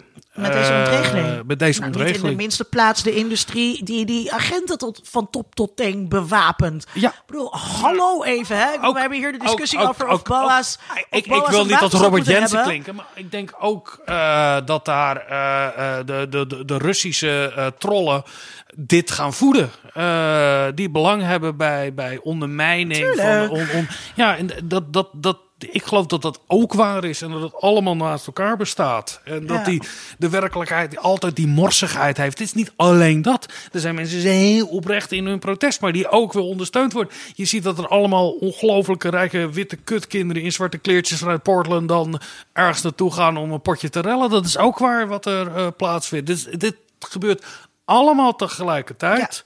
Eh, vanuit goede en slechte redenen. Zeker. Nou, is een ongelooflijk Ehm, open deur. Sorry. Ik, eh, eh, even, nou ja, sowieso, ehm eh, hashtag Femke blijft. De, de, de, de kots die er over onze burgemeester heen is gegaan.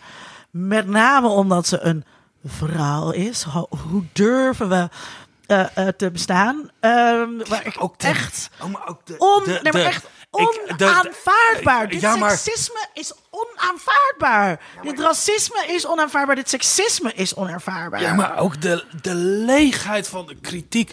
Als zij daar was, dan had ze er met de Amsketting moeten staan, hoorde ik eh, een zekere leider van een marginale partij eh, eh, zeggen met twee zetels in de Kamer. En dan denk ik, welke idioot gaat er met een Amsketting bij een demonstratie staan? Doe normaal, weet je wel. Dat, dat, dat, wat, wat, wat, wat is je kritiek nou helemaal? Ja, Eh, ik, eh, het ging natuurlijk heel erg over de button. Eh, ik wil even een tweet voorlezen van Thijs we Klein-Paste. zijn het te veel met elkaar eens. Nou, hier ga je het ook met me eens zijn. Ehm, eh, over die, hè, zat een button met 1873, eh, het jaar dat de slavernij daadwerkelijk ten einde kwam, of daadwerkelijk soort van ten einde kwam. Eh, eh, en Thijs schrijft: Ik vind het prima om de afschaffing van de slavernij als politiek statement te beschouwen. Maar dan beschouw ik dus al opgewonden critici van het politiek statement ge- gemakshalve wel als mensen die moeite hebben met dat besluit. Can't have your a- cake and eat it too. Maar Ja. dat is, ik bedoel, sinds, dus in één keer, of Ja, niet in één keer, is hoe kan- dus de hoe kan je een van de slavernij Ja. een links iets geworden. Ja. Als de zegt- eerste die zegt 19 mei 45 de bevrijding van Auschwitz. Als je dat op de Dam 4 mei gaat staan en je gaat zeggen de burgemeester is erbij. Dat is een politiek statement en ze moet neutraal zijn. Dan ben je de eerste die recht van spreken heeft. Maar dat wordt niet gezegd. Maar, die vergelijking is terecht, inderdaad. Ja, ja, maar dankjewel. is- Ja, ja. Hebt het al met elkaar eens. ja. Maar dus inderdaad, hè, dus de, de, de, an- de antifascisten, eh, eh, de, de antifa, eh, om, om, om dat op zo'n manier weg te zetten. Het is geen onderdeel van een politiek debat dat slavernij toch een heel erg slecht idee was. En, en, en, en, en, en nou ja. Blijkbaar dus wel. En zijn er, het zijn er allemaal zijn van die gelegenheidsargumentjes. Er zijn er dus mensen die. Eh, die en dat- is, al, dat is al een tijdje mensen op Twitter die zeggen. Nou, noem me dan maar een racist. Die dat als een soort geuzennaam willen oppakken. Wel, Oké. Echt- Dus je Nou, ziet dat die, begrips, begripsvervaging is, is, is gaande. En dus met het, met het eh, demoniseren van mensen die zich uitspreken tegen fascisme en racisme. Als, dat, eh, als, als ware dat een links onderwerp. Ehm, eh, dat, ja, dat is wel in, in zekere zin pleiten voor een eer, eerherstel van racisme en fascisme. Ja, ja, ik ga niet verder, want dan gaan we met je. Laat ik proberen het met je oneens te zijn.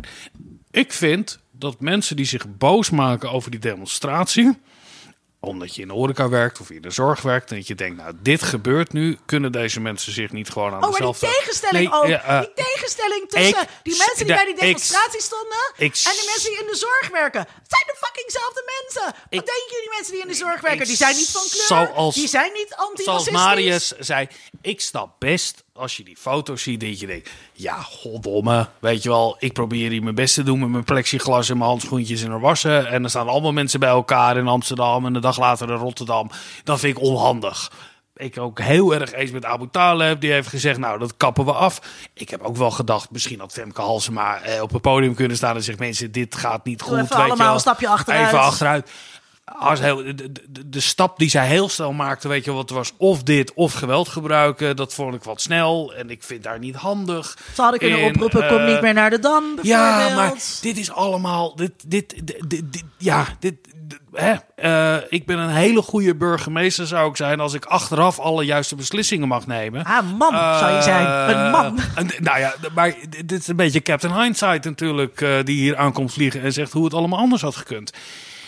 En dat, is voortschrijdend mensen, Laten we ook niet vergeten dat die mensen die zo aan het kankeren waren, niet de mensen waren die met plexiglas en andere, andere dingen de corona te lijf willen gaan. Nee, dat waren exact de mensen die daarvoor in Volendam eh, eh, eh, met elkaar om de schouders ik- ik biertjes aan het drinken waren. Ik vind dat de rest van Nederland wel een besluit moet nemen. Namelijk, moeten er minder of meer maatregelen zijn? In de afgelopen tien weken heb ik eh, partijen PVV voor eh, heftige maatregelen. Als er waren, moest het weer minder. En als er eh, minder zijn, eh, dat vond ik wel leuk van Robert Jensen. Laat ik dan iets positiefs zeggen over Robert Jensen. Die de ik denk lof echt dat ik het niet met je eens ben. de loftrompet, Oh ja, Jensen, de loftrompet ja. heeft gestoken over Femke Halsema van fuck deze maatregelen. de samenleving moet weer open.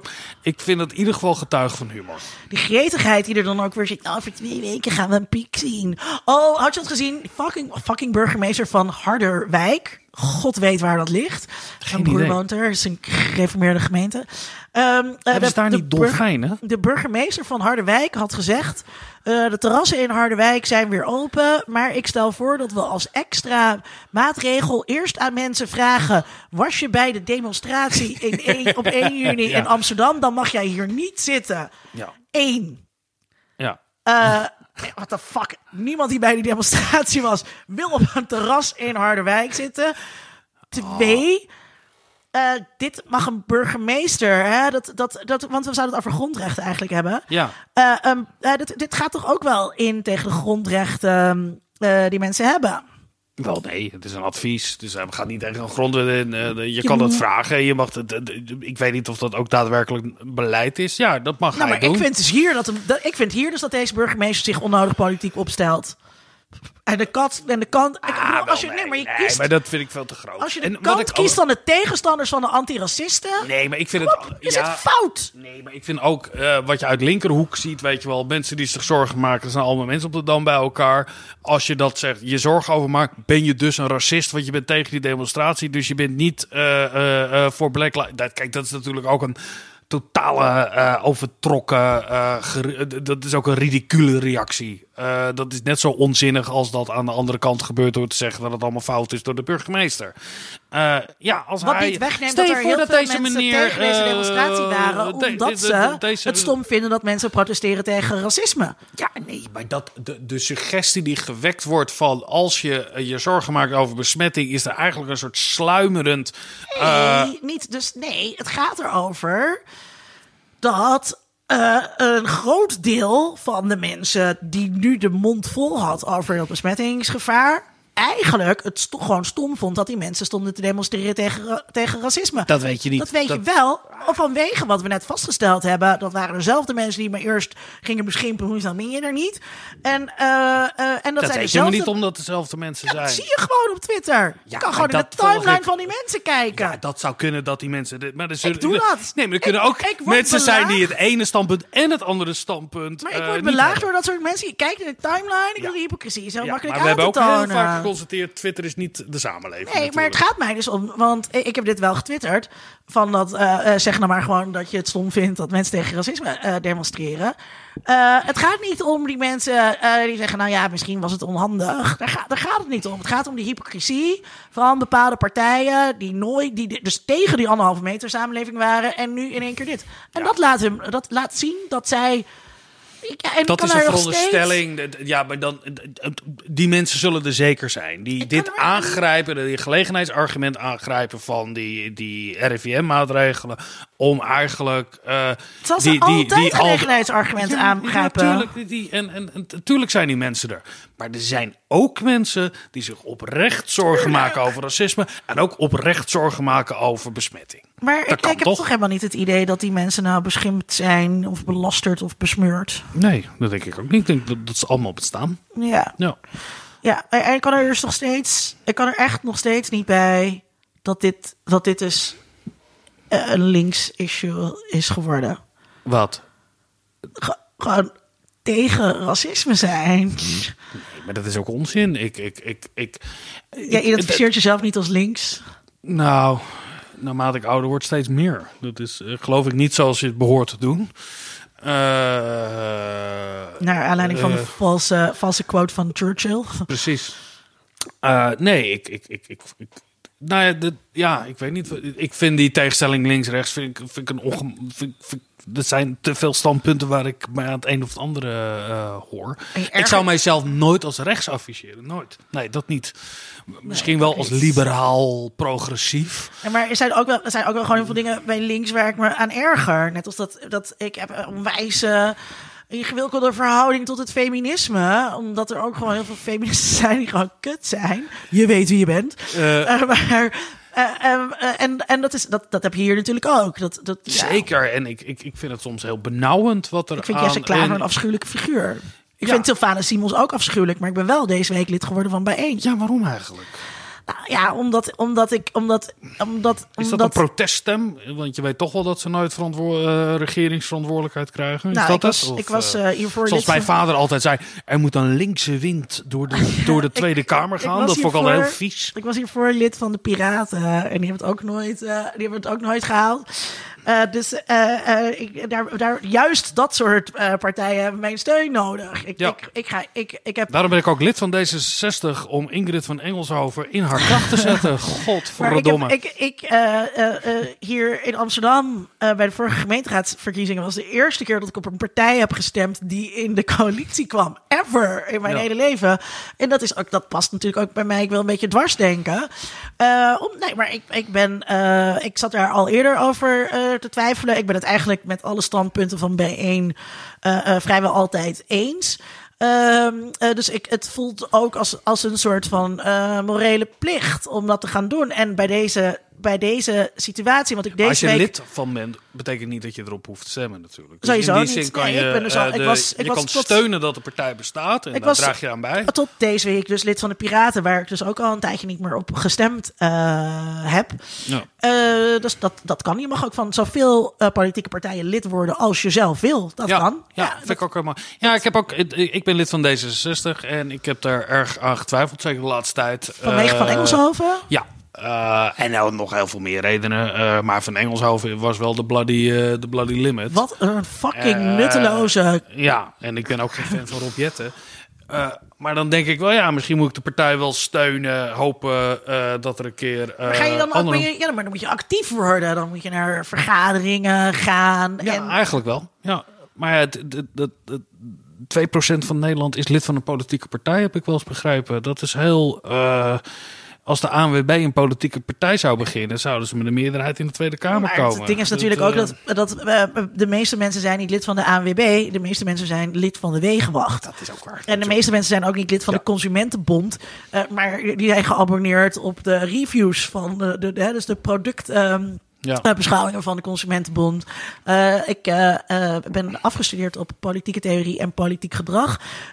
Dit noemen we secundaire prikkels die je kunt geven. En dat, en dat werkt dus heel gunstig in sommige gevallen. Heb jij het idee dat, dat als, als we over die links-rechts weten, want bij zo'n demonstratie eh, van Black Lives Matter zie je dat er ook andere thema's dan daarbij horen. Dat zie je ook aan de rechterkant. Eh, weet je wel, die, die het, je tekent voor het hele menu op. Ja, je moet je ook uitspreken tegen validisme en transfobie. Eh, ja, maar ook eh, eh, daar zitten altijd ook pro-Palestina mensen die daar vaak bij zijn. Ik heb daar een heel ander en wat genuanceerder standpunt over dan enkel pro-Palestina. Als je vriend van Israël bent. De- nou, zo sterk zou ik het niet Omdat zeggen. denkt maar, dat Israël het baken van democratie in het Midden-Oosten is. Nee, dat heb ik allemaal niet. Dat heb ik allemaal niet. Nu heb- ben ik bang dat ik op straat in elkaar geslagen word door, door, Door mij? linkse mensen. Door mij?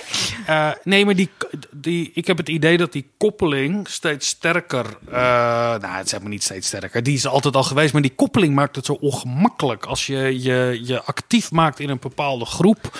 Dat je niet een. Je, er is geen cafetaria-model. Dat je zegt, nou, dit en dit wel, maar dit en dit niet. Het lastige is altijd eh, van bij een club horen. Dat hey, ja, er zitten ook wel eens dingen bij waar je het dus niet mee eens mee, mee bent. Dat heb ik dus heel erg met het feminisme. Ja.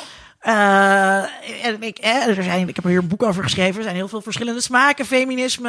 Uh, en dat weet ook niet iedereen. Maar mijn god, weet je, dat, er zitten ook wel stomme smaken tussen. En dat is, en dat is hier natuurlijk ook zo.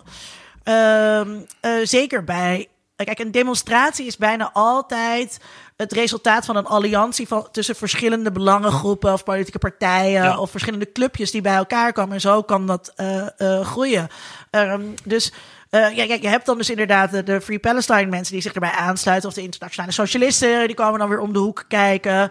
Uh, en voor heel, veel, voor heel veel mensen hoeft dat geen belemmering te zijn om deel te nemen aan zo'n uh, demonstratie. Ja, maar het is wel een van de redenen geweest dat ik me nooit echt heel erg zichtbaar actief zou verbinden aan activistische groeperingen.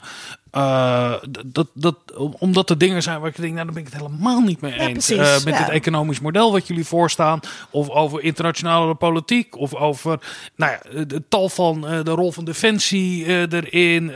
moet Nederland in de NAVO? Weet je wat, dat, dat je dat hele pakket krijgt. Ja, ja. Dan, dan, dan zou ik een, stam, een, een, een spandoek willen hebben. Hier ben ik het dan weer niet mee eens, ja. terwijl ik hier wel ben. Ja, voor, en voor mij is... ik werd pas geleden geïnterviewd voor uh, Nieuw Wij. Uh, en toen had ik het er ook over. Ik ben een soort laffe activist. En dat, dat uh, ja, ik, ik, ik, trek me dan soms ook gewoon weer onmakkelijk wel weer terug in de Ivoren Toren. en profileer me dan wat meer als wetenschapper. Om, omdat ik dan. Wil jij zeggen dat je bepaalde privileges hebt? Zeker, zeker. Dat oh, zag ik in dat interview. Ja, letter, letterlijk. Ja. Hey, uh, wil je het nog hebben over. Ik moest dit woord gebruiken van luisteraar van het eerste uur, lieve Heremans. Oh. Uh, uh, verelendung. Uh, wilde lief graag dat we bespraken in deze laatste aflevering. Uh, maar ik dacht, uh, we gaan het niet hebben over de vereleng doen van de arbeider of van de zwarte mens. Maar we gaan het hebben over de vereleng doen van het hoger onderwijs. Um, Naomi Kleins, de shock doctrine, gaat over. Kijk altijd uit voor de dingen die er doorgevoerd worden ten tijde van crisis. Nou, wat wordt er nu doorgevoerd? Onze lieve studenten die moeten het OV gaan mijden tijdens de spits. Um, we hebben deze weken is maar weer eens duidelijk geworden dat er een totaal gebrek aan lobby is. Vanuit het hoger onderwijs. de, de, de vliegtuigmaatschappijen zeggen gewoon dood leuk. Echt no shame in het. Zeggen ze gewoon wij gaan ons niet houden aan de anderhalve meter maatschappij, want dan is vliegen niet rendabel. Ja, dat vindt de culturele sector dus ook. Hè, met je dertig mensen die maar bij elkaar mogen zitten uh, uh, in een heel groot uh, theater. en dat vinden wij dus ook. Wij, ja, die anderhalve meter samenleving kan niet voor de universiteit. En die vliegtuigmaatschappijen komen ermee weg, want die hebben een dikke lobby en wij niet. Wij hebben de VSNU, die opkomt voor de belangen van CVB's. That's it. Ik ben het uh, de Tweede Kamer heeft 150 leden. Ik meen dat meer dan 130 daarvan hoger opgeleid zijn. Dus uh, het universitair uh, onderwijs heeft een ongelofelijke goede lobby. Namelijk meer dan 130 leden in de Tweede Kamer die allemaal gedeelde ervaring onzin. hebben van een universitaire opleiding. En het, dat, maar die mensen, nee, nee als je een universitaire opleiding hebt, ga je niet met, ben je niet meteen lobbyist voor het hoger onderwijs. Nee, niet, niet per definitie. Maar, die mensen. Kijk Mark Rutte, die is historicus. Wanneer laat hij ooit, ooit ook maar enig historisch besef zien? Nou, dat denk ik wel dat hij dat Jij uh, laat zelf zien. Ook ik denk dat alleen dat zij meegeven aan een heleboel mensen die echt geen fuck binding hebben met academie. Ik wilde dit even als vooraf dat ik het uh, een klaagverhaal Nee, ik ben het helemaal niet met je eens. Ik denk als er in Nederland ergens meer. Dat zeg ik terwijl ik in het universitaire. onder. Als er echt grote zorg is, dan moet het naar het VMBO gaan. Dan moet naar het HBO gaan. Laat dat, nee, laat dat beter worden. Dan wordt er de universiteiten op termijn ook. Daar worden andere. Eh, de universiteiten op termijn ook beter. Het gaat hier over. Uh, dat um, hè, het hoger onder niemand komt op voor dat hoger onderwijs. We hebben een minister die er zelf gewoon op tuft. Weet je, gewoon. En ook op de culturele sector, waar ze ook verantwoordelijk voor is, stelt ze zich op dezelfde manier op. Uh, hè, dus. Dat, dat er zoveel onduidelijkheid is nog over universiteiten. Dat komt omdat niemand het voor deze sector opneemt in Den Haag. Er is niemand die daarvoor zit te lobbyen. Um, we zien dat de werkdruk was al heel erg hoog. En wat zei de regering gewoon? Ga maar online onderwijs geven. Waardoor, wat we volgens mij nu hebben gezien, is dat mensen zich nog harder de tyfus Ja, zijn, eh, zijn, gaan, Ja. zijn, zijn gaan werken. Ik zag eh, de begroting van de UvA voorbij komen. Eh, waarin eh, we, we gaan in, in Amsterdam gaan ze, niet we, in Amsterdam gaan ze heel veel geld overhouden. omdat ze bezuinigen op andere dingen. En als dat niet helemaal lekker gaat, dan komen er alsnog meer bezuinigingen. En alle diensten moeten alsnog eh, bezuinigen. Het is alleen maar één grote opeenstapeling van bezuinigingen. Nu komt dit erbij dat, dat, dat wij in één keer eh, verantwoordelijk moeten zijn voor eh, eh, het, het remmen van de spits. Wat natuurlijk belachelijk is. Daar gaan universiteiten helemaal niet over. En dat zou betekenen dat wij dus s'avonds colleges moeten gaan geven. Ja, ik want- weet dat de want- Universiteit Utrecht Want is wat, in... wat, wat moeten we nou met die, met die Ja. vrije tijd s'avonds die we normaal alleen maar gebruiken voor nakijken, wat ik hoorde is dat... voorbereiden? Wat ik hoorde is dat de Universiteit Utrecht eh, met de veiligheidsregio Utrecht eh, eh, in een stevig overleg is geweest. En de grote zorg van de veiligheidsregio Utrecht is dat er 32.000 studenten zijn. Op het moment dat je zegt we beginnen weer, ja, dat zijn een heleboel mensen. Nog even los van de 9000 medewerkers die daar rondlopen. Eh, dus we hebben het gewoon over een middel. de- de- de- Is dat een stad? 45.000 mensen die er allemaal eh, min of meer eh, zijn. Dus ik snap de terughoudendheid daarin eh, voor de veiligheid.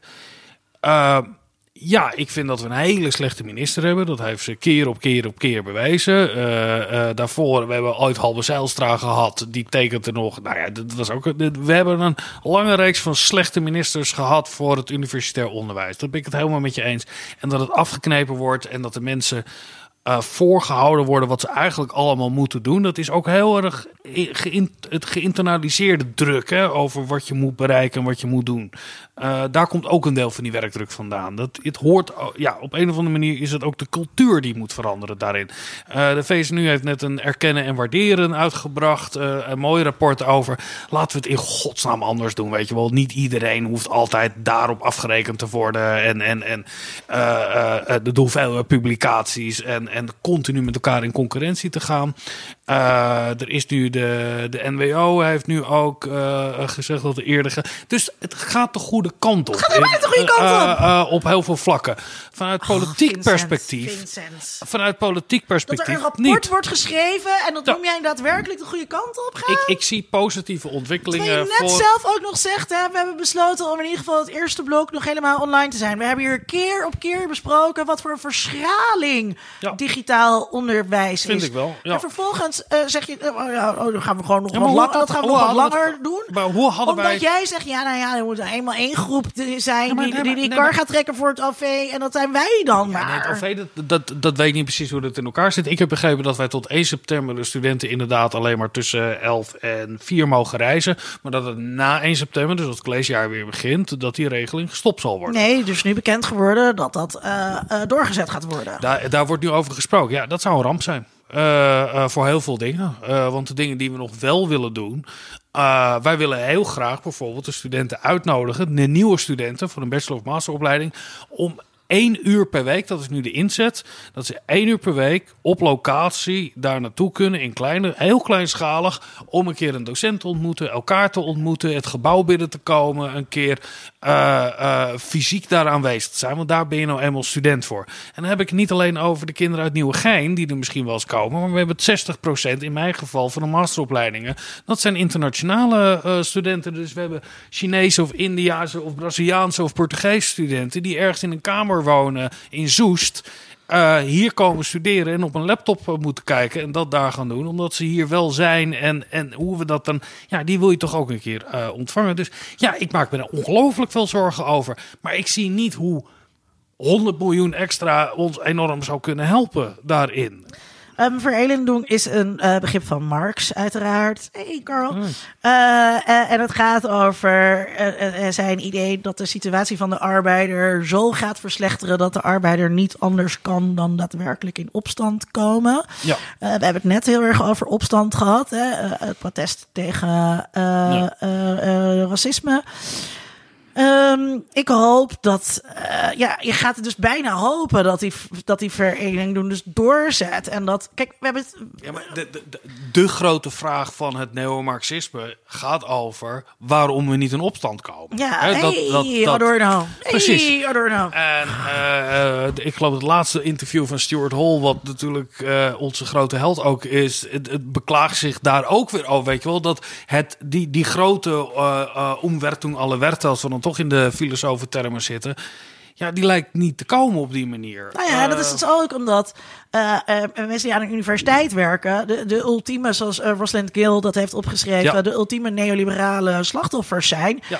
Mensen zeggen tegen ja, maar ja, ik kan mijn eigen werktijden inrichten. Maar dat zeg jij toch ook? ik ben dat, heel erg Dat roep jij toch ook autonoom. altijd? Ik ben een rogue scholar die vrij, vrij is en mijn eigen tijd mag indelen, eigen opdrachten. maar ik ben daadwerkelijk vrij. Ik kan Is dat daadwerkelijk mijn eigen opdrachten kiezen. Ja, maar is, is- ben je dan getrapt in een neoliberale leugen? Of is, ben jij de enige in de wereld die het dan wel echt is? Nou, ik zit nog steeds vast in een kapitalistisch systeem. Eh, maar ik kan wel mijn eigen opdrachten kiezen. En als, als, als neoliberale werknemer aan de universiteit eh, kan je dat niet. Nee. Eh, dus je moet de vakken geven die jou toebedeeld worden. En je moet meedraaien in het publicatiemodel. Je hebt daar geen enkele vrijheid in. Terwijl ik, ik tegen mezelf heb gezegd: Ja, Linda, als jij onderzoek wil doen, is leuk. En als je niet wil doen, vind ik ook goed. Maar ik, wil je boek de schrijven? Nou, leuk, gaan we de doen. We positieve dingen, die, de positieve ontwikkelingen die er zijn, en dat, nou, dat heet dan nu erkennen en waarderen, wat ook een, een- natuurlijk een beetje slappe titel is. Maar het dekt in die zin wel de lading dat we op een andere manier moeten gaan erkennen en waarderen dan dat tot we tot nu toe deden. En dat niet op die totale idiote gekwantificeerde manier moeten doen. We hebben jaren geleden al geroepen, laat Maar iedereen één iedereen de publicatie. Ja, Maar iedereen En roept al de hele ik- tijd: het moet ik, allemaal ik ben er, ik ben er hoopvol over dat daarin wel iets gaat gebeuren. Oké, ik schenk Eh, een, met een, deze een, een hoop- laatste glas wijn eh, eh, eh, in. Ehm, even kijken. We moeten echt gaan afsluiten. we zijn al heel lang. eh, zoals Jerry Springer een, final thought. eh, Oh, bedenken. weet je, ik maakte dus deze week bij de andere podcast, Geeky Dingen, hadden we een hele leuke aflevering over He-Man. He-Man! En de Masters of the Universe. En eh dus had ik heel veel He-Man afleveringen gekeken. En Ja. eh, aan het einde van He-Man zit dus altijd een final thought. Ja, dat is waar. Ja. En eh, ja. met, met een soort ja, hele moralistische. En ze zeiden zelfs, until next time. En toen kwam ik er dus achter, fucking Jerry Springer heeft dat gejat van He-Man. Kijk, eh, de oud-burgemeester van Cincinnati. Hè? We, we, we zitten nu in een nerde. Dat is een andere podcast. Mensen luisteren hem. Ik luister hem nooit. Eh, we moesten het nog hebben. In het rijboek staat nog, hoe kunnen we... eh, we kunnen de golf niet meer opnieuw doen, narratologisch gezien. Wil je daar kort nog wat over zeggen? Nou, in het begin zeiden we het al. Kijk, ik denk, dit is een eenmalige gebeurtenis in de manier hoe we het hebben beleefd. Dat is eigenlijk altijd zo. Geschiedenis herhaalt zich nooit. Terwijl eh, iedereen bang is dat geschiedenis herhaalt zich, maar herhaalt zich nooit hetzelfde. Ik ben benieuwd, eh, als wij straks terugkomen met aantekeningen uit het ondergrondse... Omdat, er, omdat Eh, omdat luisteraar er- massaal... eh, corona maar is gaan elkaar besmetten en allemaal op de IC is gaan liggen. Misschien wel allemaal niet besmet. Maar je van- lekker rustig en- podcast kan dat er luisteren. duizend luisteraars op de IC liggen. Ik heb corona, ik heb corona. Want ik wil dat de aantekeningen terugkomen. Ehm, Dit is echt heel fout. ja, dat, sorry. maar Sorry, mensen met dan- corona. Dan zal de dynamiek een totaal andere zijn. Zeker. Eh, en ehm, daar ben ik heel benieuwd naar. Ja, als Die dat Hard gebeurt. 2 is een heel ander verhaal. Oh, maar trouwens... Maar ik heb dus die He-Man afleveringen gekeken. Die zijn elke keer hetzelfde. Joh. Dus elke keer heeft Skeletor eh, Ja. heeft een nieuwe parel of een Ja. nieuwe diamant. En Ja. daarmee kan hij dan de powers van He-Man afpakken. En het is echt, het lijkt onwijs op de Smurfen. Weet je, net als bij de Smurf heeft Gargamel elke keer een nieuw plan om de Smurf te pakken. Ik te weet nog zo goed- En, en lukt nooit. Ik, ik weet nog zo goed dat ik elf Dus we was. kunnen dat best wel aan. Want jij zegt van, nee, we moeten elke keer een nieuw film zien. Dat is helemaal niet waar. Want Adorno... Adorno ja, precies. Ja, hij. repetitie. Ja, Adorno ja, zegt, en ja. hier, het zijn allemaal dezelfde producten. Ja, maar die altijd met een kleine Al variatie films zijn hetzelfde allemaal hetzelfde. Ja. Alle romcoms Daar zijn schlägt hetzelfde. zich met Ähnlichkeit, zegt hij letterlijk. Waarom ik dit uit mijn hoofd weet, is eh, omdat het in mijn, beetje- om om in mijn PowerPoint. in het Duits te kunnen droppen Eh, in een podcast. Ja, en nee, mijn vader die, kijk ik die A-team als 11 of 12-jarige.